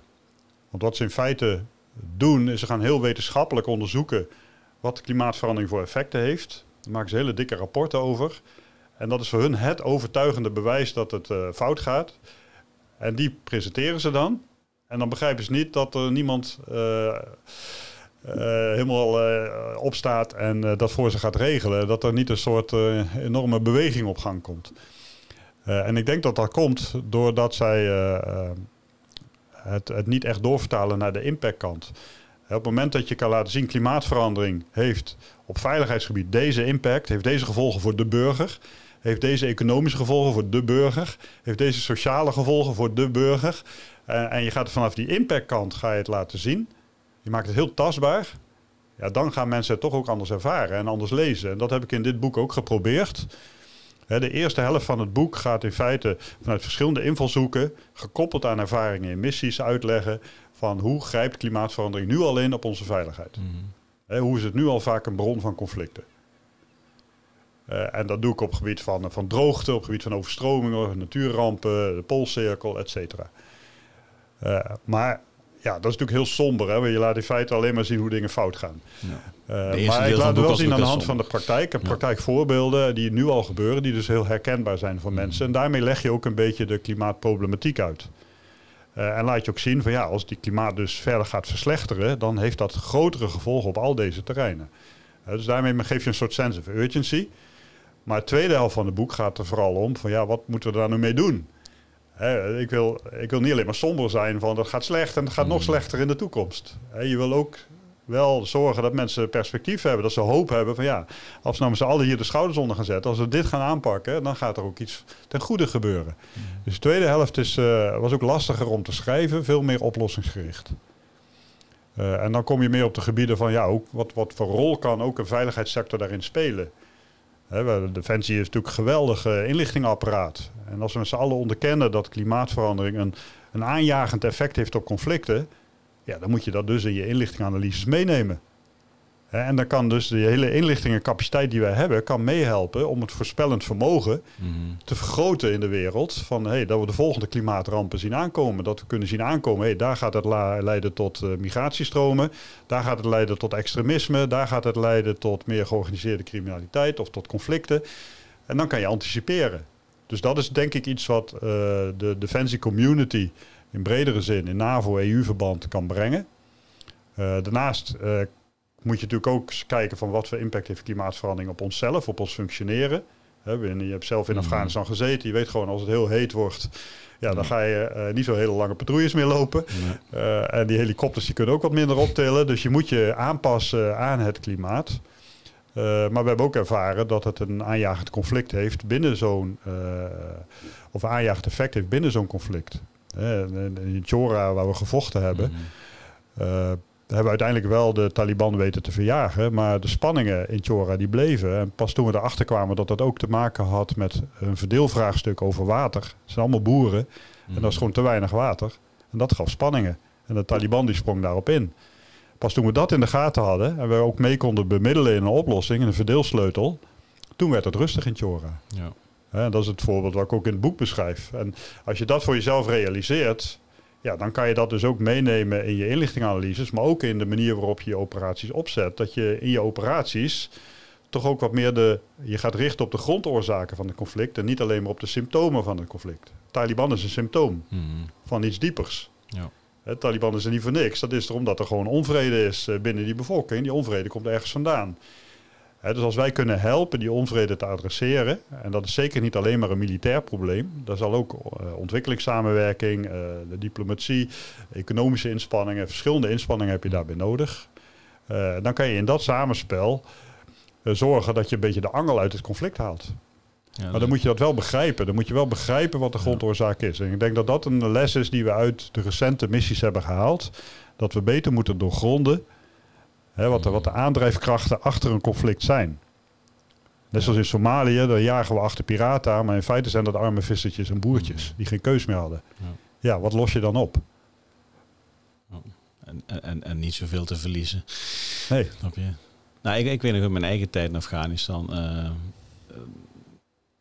Kijk, Derenwoed was natuurlijk, we hebben maar heel eventjes PAT-werk kunnen doen, want daarna uh, ging, ging, het een beetje de andere kant op. Maar kijk, er waren natuurlijk al scholen gebouwd. Nou, wij, wij hoorden dus, ja, allemaal leuk die scholen, maar ik heb mijn kinderen nodig om op het land te werken. Ja. Dus, dus het is inderdaad uh, de cultuur en de problematiek goed leren kennen. En, ik, en ik vergeet nooit meer, daar liep zo'n zo man rond. Ja, dat was dan de ambassadeur van Waterstaal, vind ik wat hij dat deed. En die, had dan, die haalde een hoopje klei omhoog. Ja. dan kreeg die man vijf minuten stromend water erop. En dan, dan kreeg hij uh, wat eten van de ezels, bij wijze van spreken. Dat was dan de soldaat die moest betalen voor het water. En dan had hij voor zoveel minuten per dag irrigatie. Of zo, Dat was zeg maar de manier hoe zij dat nog deden. Ja. En dat functioneerde. Maar goed, het, het, werkte, weet je wel. Alleen toen gingen wij daar waterpompjes ook slaan. En toen hoorde ik later van wat lichtingen daarna, dat is die ondergrond, ondergrondse waterlagen, dat die eigenlijk heel snel uitgedroogd waren, omdat ze plotseling heel veel water hadden. Kijk, en dan zie je inderdaad met, met, met onze juiste intentie, goede bril, ja. uh, denk je, dus, ja, je wil echt moderniseren dat het leven dan beter wordt. En niet begrijpen dat je eigenlijk een korte termijn oplossing biedt, uh, wat op de lange termijn niet voor zijn werkt. groot, ja. ja. Kijk, en daarom zou het zonde dat we natuurlijk in Afghanistan weg zijn, want dat had dan echt een case kunnen worden. Ja. De uitvinding met het water in de woestijn, noem het allemaal maar op. Ja. Dat, dat zou echt het volgende hoofdstuk zijn geweest ja, dan. Precies. Wat zijn op dit moment de hoofdstukken waarin we dan wel echt die stappen aan het zetten zijn? Op klimaatgebied? Ja. En vooral in die conflictgebieden? Nou, nog niet heel veel hoor. Kijk, conflictgebieden, dat, dan zit je weer in de korte termijn. Hè? Er is een conflict en dan willen we conflict oplossen. Mhm. Eh, en uh, ja, dan heeft klimaatverandering is toch weer een heel lange termijn effect. Dus daar ben je dan veel minder mee bezig. Je bent echt bezig met dat conflict, net zoals Oekraïne of Oeruzkan of waar dan ook. Ben je op dat moment bezig om het op te lossen. En ja, dan liggen de klimaatproblemen heel ver weg. Uh, maar wat ik net zei, we hebben wel geleerd om toch wat meer oog te hebben voor de onderliggende problematieken. Mhm. Uh, en daar de samenwerking in te zoeken met andere partijen om die problematieken te helpen oplossen. Ja. En dan kan je dus echt ont met ontwikkelingssamenwerking projectjes starten die ook wat duurzamer zijn. En dus de werelden van ontwikkelingssamenwerking en defensie zijn denk ik meer bij elkaar gekomen. Dat is een groot, grote winst van de afgelopen decennia. Gaat dat conflicten voorkomen? En dat gaat enorm helpen om conflicten effectiever uh, te adresseren. Om ook te zorgen. Kijk, wij kunnen op wel eventjes veiligheid brengen. Mhm. Maar het moet ook veilig blijven als wij weer weggaan. Dus hoe kan je die veiligheid bestendigen? Hoe kan je zorgen dat het blijvend is? Dat kan alleen maar als je die onderliggende oorzaken adresseert en zorgt dat die mensen gewoon een nieuw perspectief hebben. Mhm. En dat vereist samenwerking met uh, andere partijen, zoals NGO's met ontwikkelingssamenwerking, die die kunnen helpen om uh, ja, nieuwe werkgelegenheid te creëren uh, en mhm. perspectief voor de mensen te creëren. Ja, en, en, en de regering vooruitzien. Wat je, dus je zou nou al kunnen zeggen van goed, dat conflict wat nu uh, locatie X, ik noem even Mali, zit in mijn hoofd. Uh, daar was twintig jaar geleden nog relatief, als het niet zo klopt moet je het zeggen, maar twintig jaar geleden was daar nog geen conflict situatie. Wel al een, een, een, klimaatverandering zichtbaar. Daardoor is uiteindelijk de spanning ontstaan en daardoor zijn, zijn, zijn partijen ingestapt. Uh, hebben bewust onrust veroorzaakt. Er is natuurlijk weer een verdienmodel overheen, maar dan ben je eigenlijk al te laat. Ja. Maar je zou nou op de bel bijvoorbeeld bepaalde streken in de wereld kunnen aanwijzen van, nou, die, die, die zit op dezelfde kant op als Mali 20 jaar terug. Als we daar dan nu vrachtwagens vol met die uh, mooie wateruitvindingen heen brengen. Ja. We zorgen dus nu dat daar, uh, in plaats van dat ze richting de drugshandel gaan, de mais kan gaan groeien. Dan voorkomen we dus ja. dat er een soort van vacuüm ontstaat waar een conflict kan ontstaan. Is, is dat dan zeg maar de molen waarin we met z'n allen moeten gaan denken? Ja, we zullen meer, uh, nou, en dat is de adaptatiekant. Hè. Dus als je naar klimaatverandering kijkt, dan zijn er twee lijnen van oplossingen. Eén is mitigatie, en dat is eigenlijk het voorkomen. Mitigatie betekent CO2-uitstoot terugdringen. Uh, de hele energietransitie zit daaraan vast. Uh, voorkomen dat het klimaat nog erger gaat veranderen. alleen dat is niet genoeg. Hè. Het klimaat verandert sowieso. is nu al aan het veranderen, wat we ook doen. Alleen we kunnen wel veel erger kunnen we voorkomen door die mitigatiekant. Uh, maar voor een deel zullen we ook ons moeten aanpassen. Voor een deel zijn we al bepaalde tipping points gepasseerd en gaat het gewoon impact hebben. Uh, en dat betekent dat je moet aanpassen, dat is de adaptatiekant. En ik denk dat het daar, en daar gaat het boek voor een deel ook over, hè, dat je daar moet helpen, met name om al die kwetsbare regio's om ons heen, weerbaarder te maken tegen de effecten van klimaatverandering. Uh, en dat betekent dat je moet gaan investeren in adaptatie. En dat is best wel nog wel een strijd. Want als je nu kijkt naar de klimaattoppen in de wereld, dan is het sowieso al een hele kunst om alle landen mee te krijgen daarin. Er zijn mhm. nog steeds heel veel landen die, uh, die nou, niet het ontkennen, maar die zich liever afzijdig houden, omdat ze hele grote belangen hebben in de olieindustrie of in de, in de, in de steenkolen. Mhm. Uh, en uh, niet zitten te wachten op dat soort maatregelen. Hè, er zit ook Australië bij bijvoorbeeld, en Brazilië, China. dus best wel grote landen. maar er is wel een soort beweging op gang dat, dat dit steeds meer wereldwijd wel een, een agendapunt wordt. En ja, wat, wat nu een tweede wat moet gaan gebeuren, is dat we het accent dat op die mitigatiekant ligt, op die energietransitie, waar nu heel veel goede dingen in gebeuren, waar echt een enorme beweging op gang is gekomen, ook met de Green Deal uh, mm. van uh, Frans Timmermans. Uh, dat daarnaast ook een beweging op gang komt op die adaptatiekant. En ik heb mhm. ook verbonden aan het Global Center for Adaptation. Dat is een drijvend hoofdkantoor in, in Rotterdam, mm. het grootste drijvende hoofdkantoor ter wereld. Ja. Uh, opgericht ook door uh, Ban Ki-moon en door Bill Gates en uh, een aantal andere mensen. Om met name die adaptatiekant vorm te geven. Ja, dus hoe gaan we in, in, in, in Azië, in Afrika, Midden-Oosten, Zuid-Amerika, in die kwetsbare landen. wat voor programma's kunnen we daar optuigen om die landen te helpen weerbaarder te worden? Mm -hmm. Want eigenlijk is klimaatverandering voor een groot deel veroorzaakt door ons, het rijke Westen, de hele industrialisering. maar de impact is vooral in de landen die het niet hebben veroorzaakt. En dat zijn die kwetsbare landen. Dus dat geeft ons ook wel een bepaalde verantwoordelijkheid om die landen te helpen. En wij zijn er heel rijk van geworden. Mm. Uh, en zij zijn de dupe daarvan. Dus ja, dan mag je er ook wel wat voor terug doen. Ja. Nog even los van het feit dat wij gewoon belang hebben bij stabiliteit in al die regio's. Hè. Dat, dat zijn de lage lonenlanden. Dat zijn onze afzetmarkten. dus onze economie draait daar voor een belangrijk deel op. Dus wij hebben ook wel belang, mm. ook economisch belang, dat die landen stabiel blijven. Dus ook vanuit die optiek is het uh, cruciaal dat we in die adaptatiekant investeren. Ja. En dat staat nog in de kinderschoenen. dat, dat hoofdkantoor wat ik net noemde, is net opgericht. Zijn wel plannen aan het maken, maar ze uh, zitten nog te bedelen om geld overal. dus dat, dat moet echt nog in beweging komen. Ja. En ik help ze erbij om met name de veiligheidsdimensie van adaptatie, uh, om die vorm te geven. Want je kan uh, ja, je kan hele mooie adaptatieprogramma's opzetten in Mali of weet ik waar. Maar op het moment dat dat daar onveilig is, dan is dat weggegooid geld. Of op het moment dat dat leidt tot frictie, hè, het voorbeeldje wat jij noemde over die pompjes. Mm. Ja, die leiden tot een veel groter probleem. Wat dan vervolgens weer nieuwe frictie gaat geven. Ja, dan bereik je een averechts effect. Ja. dus het is wel zaak dat als je een adaptatieplan maakt, dat, dat je goed hebt eh, doordacht van hé, hey, kan ik hiermee voorkomen dat de situatie slechter wordt, ook op veiligheidsgebied. En hoe kan het adaptatieplan helpen om eigenlijk het land te stabiliseren? Ja, is, is dan bijvoorbeeld Bangladesh, dat, dat, die, ja, dat raakte mij ook dat verhaal wat je over die, uh, ook een ex-generaal schrijft, over hun problemen noem ik hem ja. eventjes. Ja. Uh, is het dan een voorbeeld van een land wat, wat uh, relatief rustig is, wat dus nu aan de voorkant echt, echt aan het werk is om te voorkomen uh, dat ze ook direct hele grote problemen krijgen. En, en heel veel polo-shirtjes ja. worden ook in Bangladesh gemaakt bijvoorbeeld. Dus ja. het is ook een productieland. Ja, het is op zich een heel stabiel land. Hè. We nooit uh, conflicten. Uh, maar ook een heel arm land, heel kwetsbaar land. Dus een delta-land zoals Nederland. Mm -hmm. wij hebben de luxe dat wij enorme deltawerken kunnen bouwen. Die luxe hebben zij niet. de zeespiegelstijging is daar een enorm probleem. En het hoeft maar één keer eh, even omhoog te komen, een tsunami-achtige beweging. En die hele kuststrook, uh, tientallen kilometers het land in, is compleet verzild en niet meer bruikbaar voor landbouw. Dus alle gewassen gaan daar dan kapot. Uh, dus je ziet eigenlijk de erosie toeslaan in die kust. En je ziet eigenlijk de, de kusten optrekken naar het binnenland toe. Nou, ook best wel een dichtbevolkt land. Dus waar gaan die mensen dan naartoe? Mm -hmm. ja, die trekken dan toch verder de binnenlanden in, naar de steden toe. Maar er lopen heel, ook heel veel waterwegen die uh, ook overstromen. Dus het is een enorm kwetsbaar uh, ecosysteem.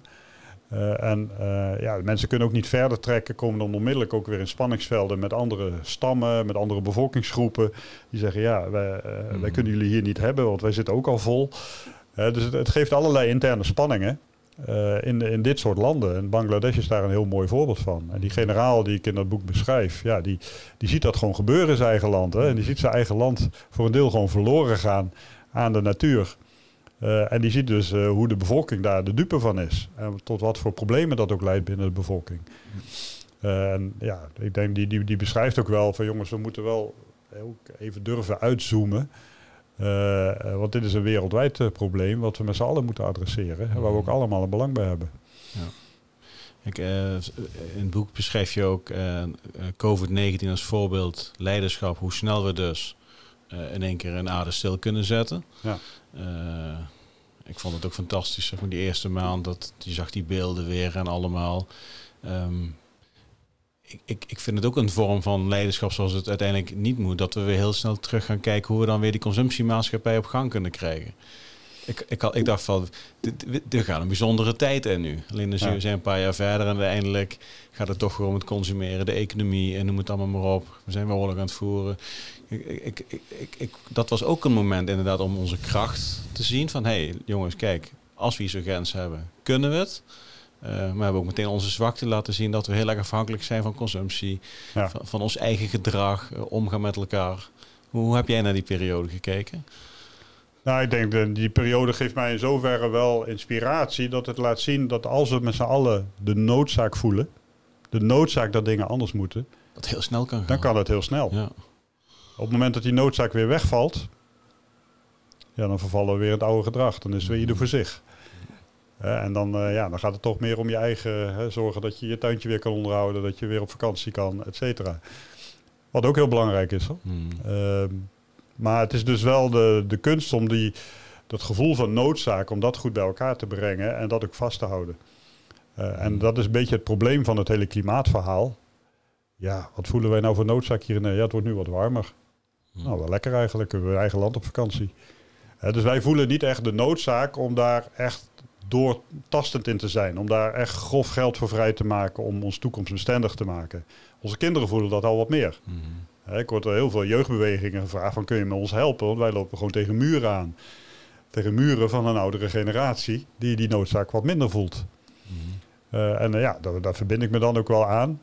Uh, maar ja, regeren is vooruitzien hè. En ik vergelijk het wel eens met de watersnoodramp eh, die we in Zeeland hebben gehad na de Tweede Wereldoorlog. En toen zaten we in een enorme recessie in Nederland. we moesten het land weder opbouwen. Er was heel weinig geld. We hadden financieel vele malen moeilijker dan nu. We ook veel armoediger in Nederland dan nu. En dan heb je zo'n watersnoodramp. Waarbij tienduizenden mensen moeten evacueren. Enorme landerijen helemaal verzilten en niet meer bruikbaar zijn. Ja, dan is het heel verleidelijk voor een regering om te zeggen... nou, we gaan het probleem fixen. We gaan die dijken weer oplappen. Uh, het mag niet te veel geld kosten, want we hebben ook andere problemen. En we gaan weer verder. Alleen de leiders van toen hebben gezegd: nee, we gaan een stap verder. Wij gaan extra geld vrijmaken, hoe krap we het ook hebben. We gaan extra geld vrijmaken om te investeren in een systeem waar ook onze kinderen profijt van hebben, wat future-proof is.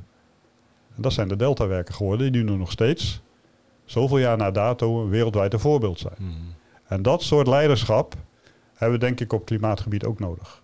Leiderschap wat zich boven de eh, de enorme hectiek van de dag uit weet te tillen, vooruit weet te kijken en daar de keuzes in weet te maken.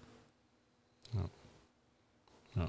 En dat zie ik wel gebeuren, deels gebeuren op het gebied van de deltawerken versterken. Want dat hebben we met z'n allen wel geleerd, die les, als Nederland. We hebben mhm. natuurlijk eeuwenlang gevochten tegen de zee. Dus je hoeft geen Nederlander uit te leggen dat je je daartegen moet beschermen. Mhm. Dus daar is wel bereidheid voor. Maar dit vereist wel een bredere inspanning en een wat grotere bereidheid. En die is er nog niet. Is juist door, uh, uh, ja, ze hebben het als een wereldwonder genoemd volgens mij, de Delta-werken, vooral in die tijd zeg maar. Uh, dat wij misschien ook een beetje onderschatten wat er op de loer ligt omdat wij opgegroeid zijn. Ik ben opgegroeid met grote dijken en sluizen ja. en noem het allemaal maar op. Dat was Nederland. Dat je dat daardoor ook misschien denkt van ja, dit stukje dat is wel prima. Ja, en daardoor voel je die noodzaak niet. Hè? Dus je, in feite, ja, we voelen ons allemaal redelijk veilig. Mm -hmm. En dat mag ook natuurlijk. Maar, gebeuren, maar ja, dat, dat, kunnen we managen hè, met z'n allen. dus uh, ja, we voelen ons niet dusdanig bedreigd dat we nu weer doortastend verdere stappen moeten zetten. Mm -hmm. En het probleem van klimaatverandering is dat het vooral ook verder weg in onze omgeving gebeurt. Wat toch wat ongrijpbaarder is, maar wel direct in onze economie ingrijpt. Mm -hmm. We hebben nu ook met corona hebben we gemerkt wat een impact het heeft dat wereldwijd die aanvoerlijnen verstoord raken door corona. Mm -hmm. He, er zijn miljoenen containers, ja, die zijn ergens in de wereld blijven hangen, waardoor onze, onze schappen in de winkels leeg uh, stonden. Mhm. En waardoor we nu nog steeds enorme lange levertijden hebben, jaren na dato.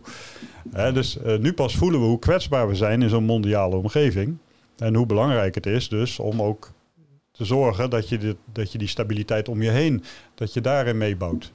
Ja, uh, dus maar dan nog is de drive om dat te doen is wel een stuk minder dan als je het heel direct kan managen in je eigen land. Ja, en, maar de impact zal dan ook relatief klein zijn. Dat is dan de tegenhanger weer. Ja, dat zou je dus Ja. in samenwerking met andere landen moeten doen. En daar eh, vind ik, ja, met name de EU heeft daar gewoon een grote verantwoordelijkheid. Mhm. De EU tot nu toe is vooral gericht op de interne markt. En daar hebben ze hele mooie stappen in weten te zetten. Ik denk dat de EU nu echt naar een volgende stap moet.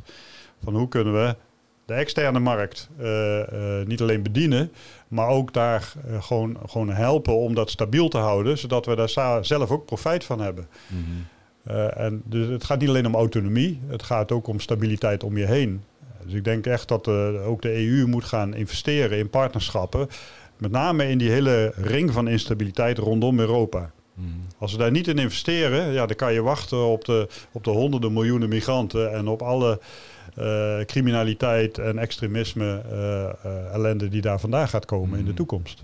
Dus je moet daarin investeren, je moet die banden aangaan en je moet met die landen gaan kijken hoe kunnen we eh, dit toch stabiel houden. Ondanks alle moeilijke eh, klimatologische eh, omstandigheden waar jullie in terechtkomen. Ja. Ben- jij ook iemand die eventueel spiritueel naar de aarde kan kijken? Want je beschrijft ook in het boek van ja, die as, de, de, de ruimtevaders. Nou, dan zie je natuurlijk het kleine stukje Ja. aarde. Eh, onderdeel van een veel groter geheel. Eh, heb, heb je dat?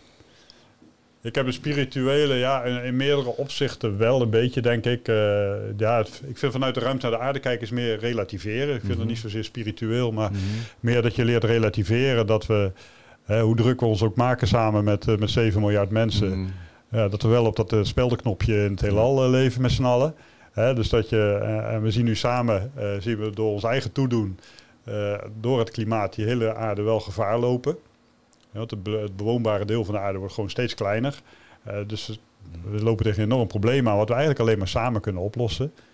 Dus dit vereist gewoon samenwerking. Dit vereist niet dat je gaat polariseren en ruzie met elkaar gaat maken. En ik hoop ook dat klimaatverandering zo'n verbindend thema kan zijn. En daar helpt die astronautenblik wel bij. Om daar toch even uit te zoomen.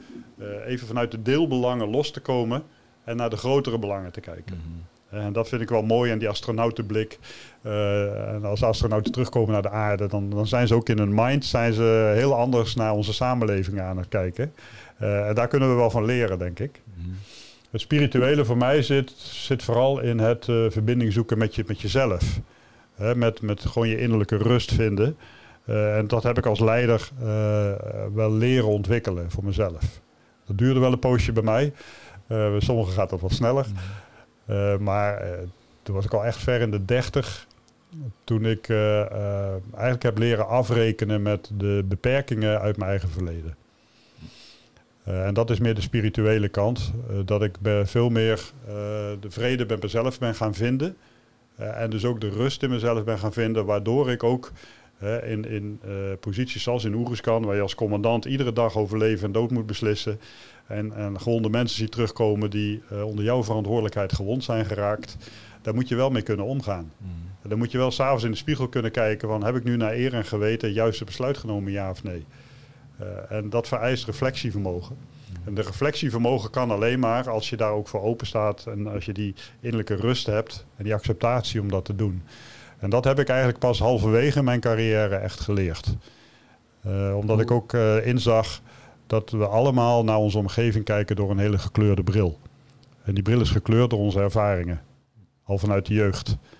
Eh, en die ervaringen die, eh, ja, die, die zorgen ervoor dat jij dingen op een bepaalde manier gaat interpreteren. Hè, we- ik denk dat we allemaal herkennen als we naar eh, een aantal mensen in contact komen, dat je gelijk al bepaalde mensen liever niet de samenwerking zoekt, maar andere mensen liever wel. Mhm. En dan moet je jezelf eens afvragen, ja, maar waarom is dat eigenlijk? Waarom ga ik met die mensen liever niet samenwerken? Heeft dat met die mensen te maken of heeft het met mij te maken? En vaak zit daar iets achter. En zijn er toch ervaringen die je ooit hebt gehad, die ervoor zorgen dat je die mensen bij voorbaat al veroordeelt. En dan ga je dus als leider, word je daardoor veel minder effectief. Want je sluit een hele groep al min of meer uit. Mhm. En die groep die voelt dat ook wel aan, dus die gaat ook minder hard voor jou werken.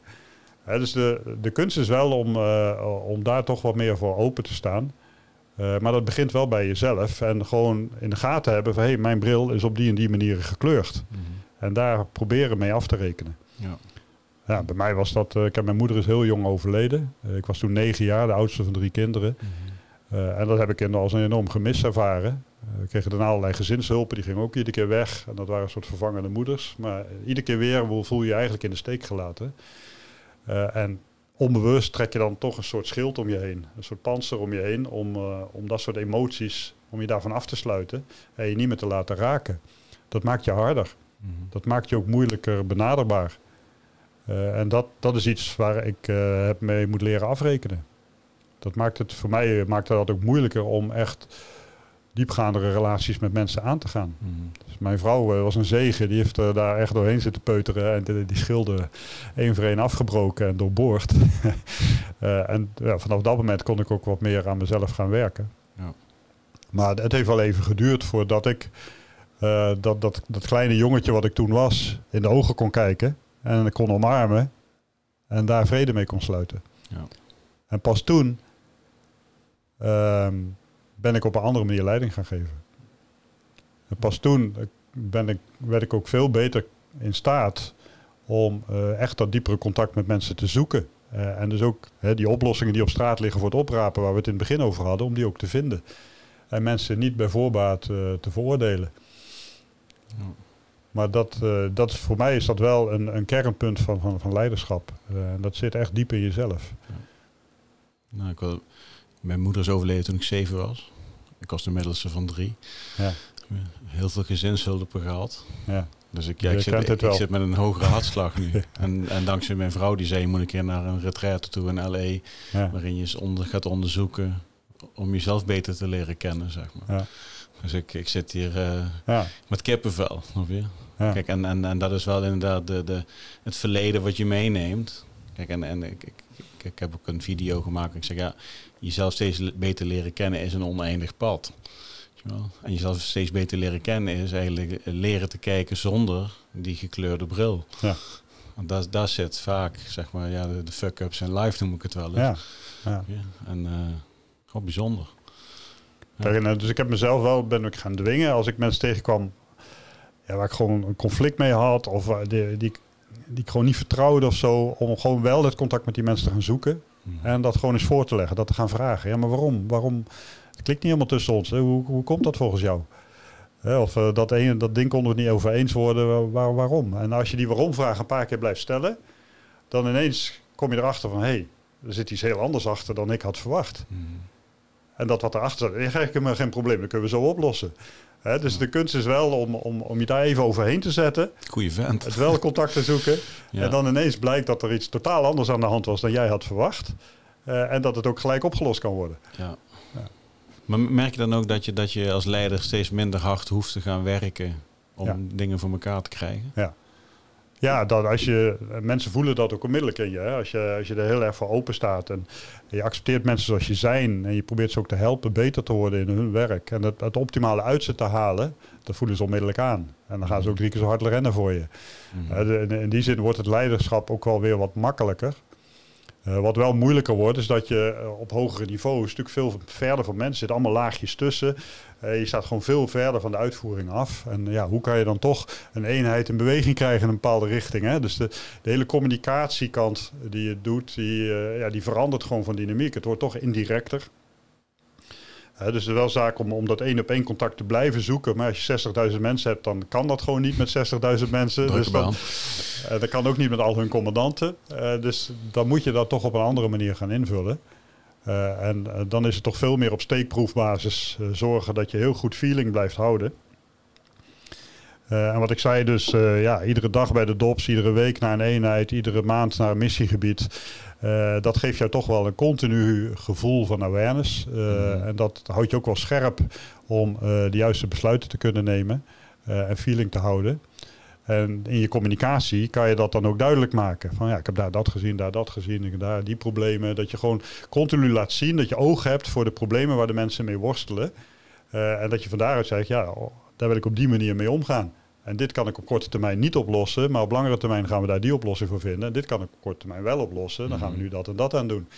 Als je die duidelijkheid kan bieden in je communicatie, dan uh, verbindt dat ook al heel erg. Hè? Want vaak, uh, wat het meeste wat aan mensen knaagt, is gewoon onbekendheid. Van waar ben ik aan toe? Mhm. Onduidelijkheid.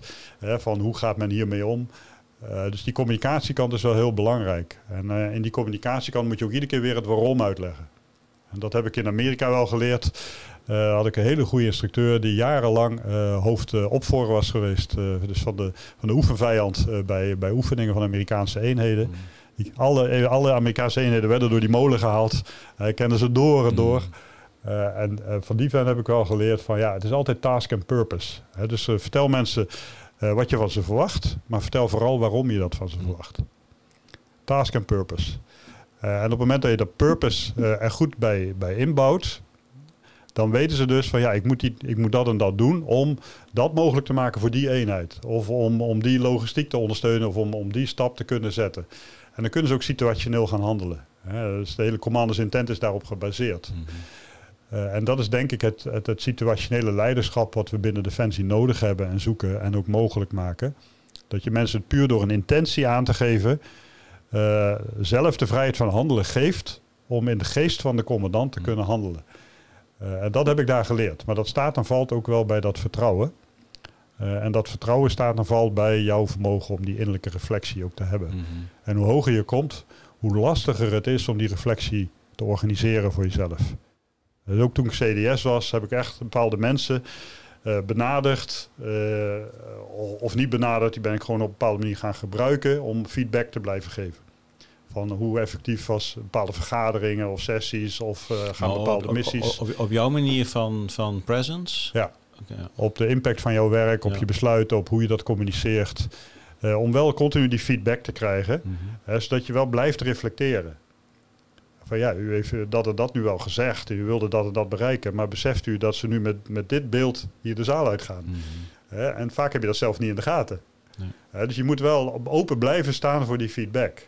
Uh, en dat betekent dat je dus uh, door die, die innerlijke reflectie en door je ego onder controle te houden en toch een bepaalde bescheidenheid uh, in je te blijven hebben, mm -hmm. kan je dat bereiken. En ik heb gewoon geleerd dat bescheidenheid een enorm belangrijk wapen is voor een leider. Als jij bescheiden bent, Hè, zonder jezelf tekort te doen, maar wel bescheiden bent in je opereren, ben je ook minder bedreigend voor mensen. Gaan mensen graag met jou samenwerken. Dan, dan komt het licht vanzelf terug. Ja. ja. En uh, op het moment dat jij mensen de ruimte, ook succes gunt, hè, van uh, ja, ga jij maar shinen hier. En ook in, in Oeriskan was dat wel de uitdaging om alle soorten eenheden ook hun, hun gloriemomenten te geven. Want dat geeft vertrouwen, dat geeft een boost. En dan gaan ze ook harder rennen voor elkaar. Dat is vaak de kunst van leiderschap. En niet allemaal op jezelf reflecteren. Van ik wil op de mooie momenten wil ik op die zeepje staan. Nee, laat die mm. mensen op de zeepje staan. Ja. En hoe meer je hun kan laten shinen, dat, dat, dat schijnt ook wel op jou af. Daar hoef je niet uh, druk over te maken. Ja. Maar er zijn heel veel leiders die dan graag zelf in die spotlight willen staan. Uh, en uh, ja, dat gaat dan over de rug van de eenheid in feite. dat betaalt zich altijd op een negatieve manier weer terug. Mm -hmm.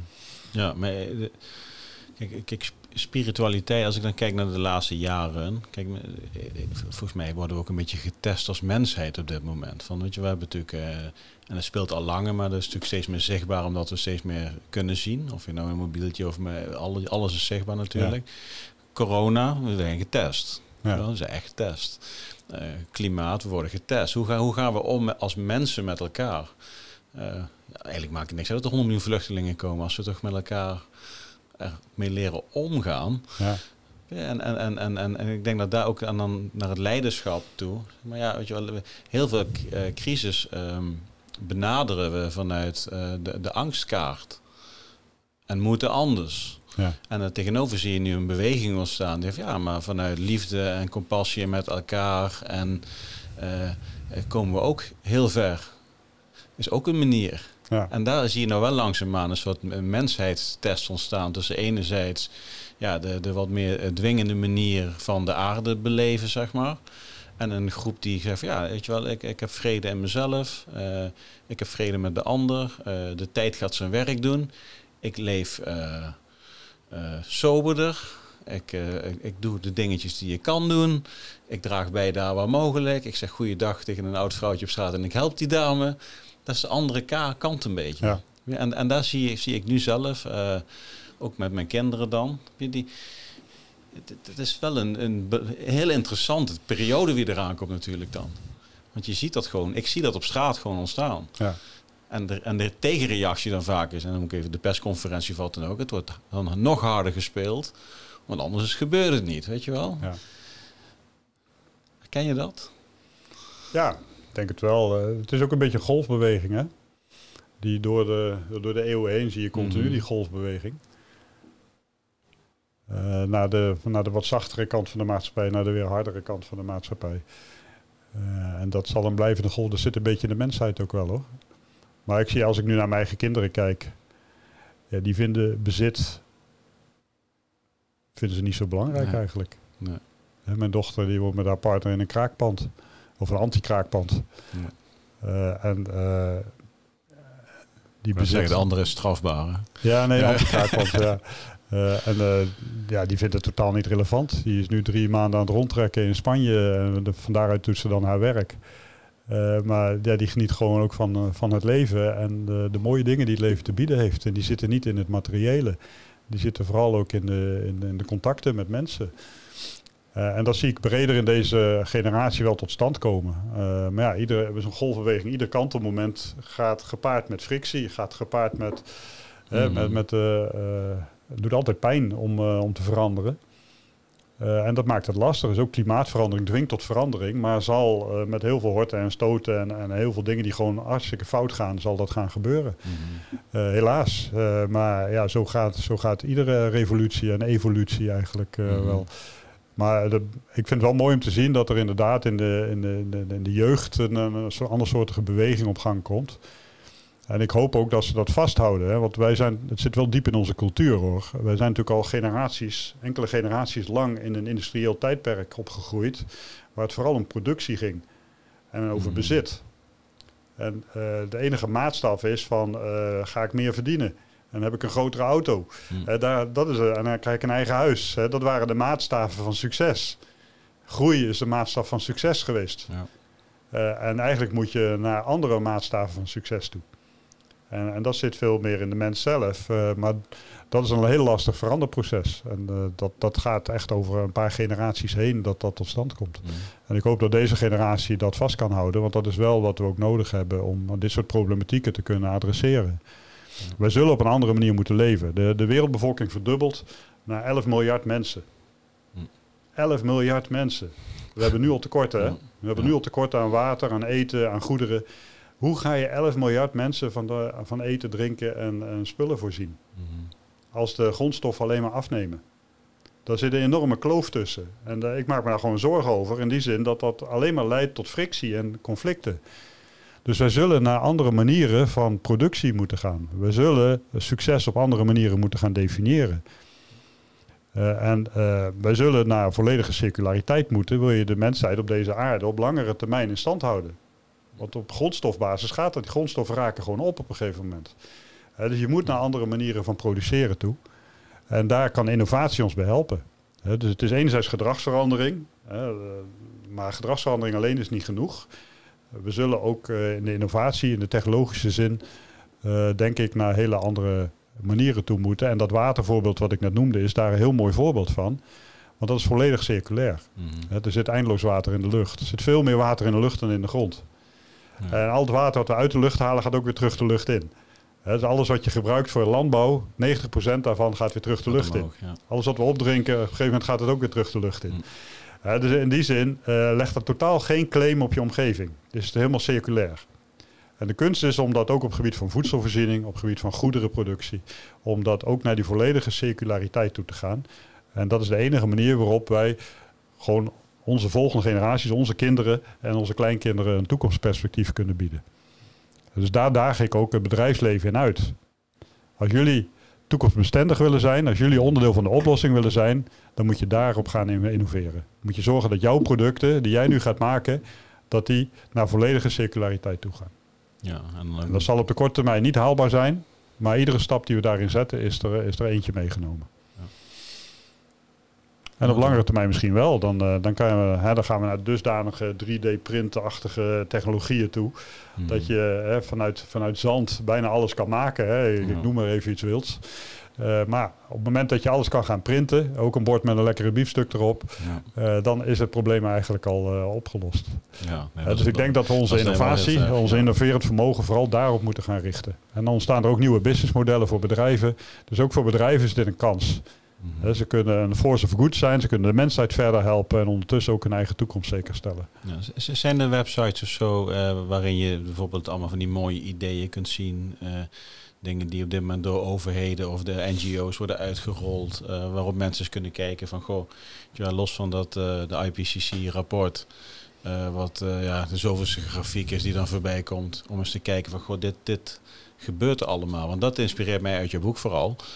Van ja, je leest natuurlijk eventjes, word je met de neus de feiten gedrukt. Van ja, dit vriend, dit is er wel aan de hand, weet je wel. Ja. En ik denk, ja, ik ben er geweest, dus ik herken het.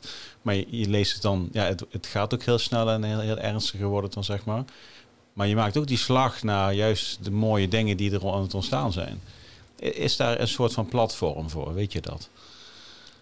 Ja, of daar een, een dedicated platform voor is, weet ik. Heb ik, zo'n, ik heb hem nog niet ontdekt. Het zal, zal er misschien wel zijn hoor. Uh, Dat zou toch een mooi zijn kanaal. duizenden best practices. Een, een tv-kanaal, Ja. die 24-7 uitzendt, innovaties op klimaat. Ja, dat dus zou mooi dus je hebt dan van spreken eh, CNN die alleen maar de ellende uitzendt, ik noem maar eventjes. Ja. Maar je hebt ook een kanaal waarin je ziet van, nou, hier zijn ze dit aan het bouwen, hier zijn ze dat aan het bouwen, Ja. weet je wel. Ja, dat zou heel mooi zijn, ja. Nou, moeten we daar eens over nadenken. Ja, misschien eh, moeten we er eens gaan starten. Ja, ja, ja, ja. Nee, mooi. Tom, dankjewel. Wat Ja, graag gedaan. Mooi verhaal. Eh, we hebben toch veel van de onderwerpen nog besproken. hè? Ja, we zijn redelijk eind gekomen. Heel Ja. goed gedaan. Maar wat zijn voor jou de komende jaren de belangrijke eh, dingen waar je nog druk mee bent en waar je op wil gaan richten? Eh, ik denk dat ik langs dezelfde lijnen wel doorga. Dus vooral dit, op dit klimaatthema. Ik wil het boek ook internationaal gaan uitgeven. Dat zou mooi zijn. En het boek is vooral gericht op bewustwording. Eh, waar ik nu, ik, ik leid een wereldwijd netwerk op dit vlak. Hè, Mhm. eh, met ook een aantal onderzoeksinstituten eh, in, in Europa en in de VS. En tot nu toe zijn we vooral bezig geweest met het analyseren van het probleem. Hè, het probleem van hoe leidt klimaatverandering tot onveiligheid. Daardoor is ook de NAVO, de EU, zijn dit meer gaan omarmen. Zijn nu beleid aan het ontwikkelen op dit vlak. Dus wij proberen daar weer een stap verder in te zijn. Van oké, hoe kan je dat beleid vormgeven? Hè, wat, wat kan de NAVO bijdragen? Wat kan de EU bijdragen? Eh, wat kan het bedrijfsleven erin bijdragen? Eh, om te voorkomen dat klimaatverandering tot onveiligheid leidt. Eh, dus we zitten nu meer aan de oplossingenkant. Dus ik denk dat ik daar de komende jaren wel wat meer mee bezig ben. En ik merk nu dat die bewustwording ook in het bedrijfsleven, bij de verzekeraars, in de bankenwereld, in, de, bij, in het onderwijs, onderwijssector, enorm tot, tot leven komt. Heel veel organisaties benaderen mij hierover. Eh, dus ik denk dat mijn, mijn werk de komende tijd ook wat meer in het teken zal staan van die, van die organisaties ja, toch helpen op gang komen op dit thema. Van wat kan, wat kan mijn organisatie daarin betekenen? Hm. Het wordt ook vanuit verschillende optieken wordt het voor bedrijven en organisatie belangrijk, omdat het eigenlijk de hele waardeketen van een bedrijf verandert. Mhm. Het begint al met, eh, bij productiebedrijven met grondstoffen en de beschikbaarheid van grondstoffen. Dan krijg je de hele supply chains, die komen vaak uit lage lonenlanden, die heel kwetsbaar zijn voor zeespiegelstijging, et cetera. Nou, hoe, hoe hou je dat eh, zeker en veilig? Dan je eigen productie die naar net zero moet. Dan je eigen werknemers die niet voor een vervuilend bedrijf willen werken. Je klanten die nieuwe eisen stellen aan jouw producten die circulair moeten zijn. Ja. Hè, dus over de hele keten worden er andere eisen gesteld. En die bewustwording zie je nu in bedrijven groeien. Eh, maar hoe vertalen ze dat naar hun werkelijkheid? Hoe gaan ze dat vormgeven? Mhm. Eh, daar wil ik graag een aanjager in zijn. eh, om dat te doen. En niet alleen bij bedrijven, maar ook bij de investeerders, ook bij de, in de onderwijssector. Ik word door allerlei jongerenbewegingen gevraagd om daarbij te helpen. Van hoe kunnen we, als dit nu de grootste uitdaging van deze eeuw is, ja, dan moet dat toch een kern zijn van ons onderwijs. Ja. Dan moeten we onze nieuwe generatie daar toch op voorbereiden. Of ze nou wiskunde studeren of fietsenmaker worden of weet ik wat. Dan moet dit gewoon ingebouwd worden in de educatie die ze De krijgen. constance van verandering zal de klimaatimpact zijn. Ja, Ja. en dan maak je maar in al die onderwijsgroepjes maak je maar cases die met klimaat te maken hebben. Mhm. Waar je kan laten zien hoe je vanuit jouw studie en vanuit het werk wat jij gaat doen, toch kan bijdragen aan het op, helpen oplossen van een groter probleem. Ja. Eh, dus ik zie, ja, daar zit een enorme potentie in de onderwijssector. eh, die denk ik nog helemaal vorm moet krijgen. Ja. En, nou, en- daar wil ik ook graag een aanjager in zijn. ja, en maar dat gaat dan echt van, van Amerika tot Australië en, en Overal. Overal is dat. Overal. Ja, en, en, Ja. en, en zie je dan dat, eh, dat ze in Amerika met het bedrijfsleven daar al verder in zijn, omdat die vaak technologisch ook wel wat vooruit lopen? Of zie je juist in, in, in Veldhoven in de regio daar gekke ideeën ontstaan? Of Waar is dat dan Ja. mee geëmbed? Ja, in Amerika zie ik nu wel dat onder de Biden-administratie dat eh, men daar zeer ambitieus in is. Hmm. John Kerry is ook als klimaatgezant aangesteld. Het hele bedrijfsleven wordt eh, aangejaagd om eh, hierop te innoveren. Maar het heeft wel iets heel kwetsbaars. Kijk, onder de vorige administratie van Trump eh, Mm. werd het totaal gestopt. En als de volgende verkiezingen weer republikeins worden, dan vrees ik dat dat ook weer op een lager pitje wordt gezet. Dus in die zin is het wel heel kwetsbaar wat er in Amerika gebeurt. Eh, maar het positieve vind ik wel dat met name in het Pentagon, in de, in de defensieomgeving, men er al, al, al heel lang mee bezig is. En ook op, op de state level in Amerika. eh, ja, men voelt de impact van het klimaat iedere dag. Eh, de enorme bosbranden, hurricanes. eh, nou, je hoeft maar naar het nieuws te kijken. Je Ja. ziet iedere keer wat in Amerika gebeuren. Enorme droogte die de hele voedselvoorziening eh, op het spel zet. Hun grootste Dus- basis die regelmatig eh, onderloopt. Die onderlopen, ja. Norfolk, eh, Norfolk, waar de hele vloot een aantal keer per jaar moet uitvaren. En dan moet de zeespiegel stijgen, moet eigenlijk nog beginnen. Eh, dus ja, die impact voelen ze wel en daar willen ze ook op voorbereid zijn. Dus, dus er zit wel, ondanks al die politieke gedoe bovenin, zit er daaronder wel een soort structurelere beweging van wij moeten hier weerbaarder tegen worden. Wij moeten hier oplossingen voor verzinnen. Ja. Dus daar, daar zie ik ook wel wat op gang komen. Ik vind wel de tekortkoming van het Amerikaanse bedrijfsleven, dat is echt een, een hele extreme exponent van dat industriële tijdperk. Hè. Het is allemaal gericht op kwartaalcijfertjes. En ieder kwartaal moet beter zijn dan het vorige kwartaal. Hmm. Dus een hele korte termijn eh, drive. En, en iedereen wordt ook afgerekend op de kwartaalcijfers. Dus dat geeft heel weinig ruimte om wat meer in de langere termijn te investeren. Het gaat toch echt om de korte termijn. En dat vind ik de kwetsbaarheid van het Amerikaanse bedrijfsleven. Eh, dus ik hoop dat ze daar ook wat meer overheen leren stappen. Ja. En toch ook naar hun eigen toekomst gaan kijken. Ja, zo zien we. We hebben allemaal onze eigen uitdagingen. Ja. hè. Nou, fijn dat je er was. Ik, eh, ik- denk dat het een heel mooi... eh, nou, ik heb straks ook uitleg Six Star Leadership, wat dat voor mij betekent. En dat is echt gewoon eh, nou, leiderschap op een bepaald niveau. En dat is natuurlijk de achtergrond als CTS. Ja. Dat we op deze manier ook de, ja, de brug kunnen maken eigenlijk. Je bent een bruggenbouwer, ook als exertionist. eh ja, naar eh, het bedrijfsleven. Dus Ja. Daar roep je ook eh, tot op om daar innovatief in te zijn. Maar ook gewoon ja, om nog groter ook echt van zingeving en ja, gewoon vanuit de wereld daar iets aan kunt toevoegen. Nou, dat vind ik wel echt wel passen in de podcast. Ik ben heel blij met het gesprek. Graag gedaan. Dankjewel. En dan komt het gesprek met eh, Tom Middendorp alweer eh, ten einde. Ik, eh, ik vond het echt een heel mooi gesprek. Ik denk dat we heel veel mooie onderwerpen... Ja, de onderwerpen zijn misschien niet altijd even mooi, maar... We hebben mooie onderwerpen aangehaald. Oekraïne, corona, politiek, leiderschap. Ook zelfleiderschap, de, de verbinding maken met jezelf. Vertrouwen, vertrouwen in jezelf, vertrouwen in de ander. vertrouwen managen. Ja, en ik, ik geloof oprecht dat als we op een bepaalde manier met elkaar door het leven gaan, dat we dan ook de mooiste eh, successen met elkaar kunnen bereiken. Ja, en misschien het herdefiniëren, zoals Tom dat zegt, eh, wat nou succes is. Eh, hoeft niet altijd te bestaan uit groei, maar kan ook vanuit andere invalshoeken uiteindelijk vorm gegeven gaan worden. Nou, ik wil in ieder geval bedanken voor het kijken. Ik wil je bedanken voor het luisteren. Ik wil Tom bedanken voor het komen vanuit Veenendaal naar onze studio in, in Haarlem. Ben je niet geabonneerd? Nou, doe dat dan. Like onze video. Eh, abonneer je ook op, op Apple Podcasts, Spotify. Schrijf een recensie. Ja, dan worden wij beter gevonden. En dan kunnen anderen ook kijken wat, eh, wat voor podcast wij zijn. En in de beschrijving van de podcast staan ook nog een aantal linkjes met een aantal mooie trajecten die wij met Six Star Leadership eh, aan het ondernemen zijn. De eerstvolgende start in september. Heb je daar interesse in? Nou, stuur mij een mailtje, DM'tje, zit een link bij. En dan komen wij wellicht later in contact. Deze gaan we afsluiten. Patrick hier en einde bericht.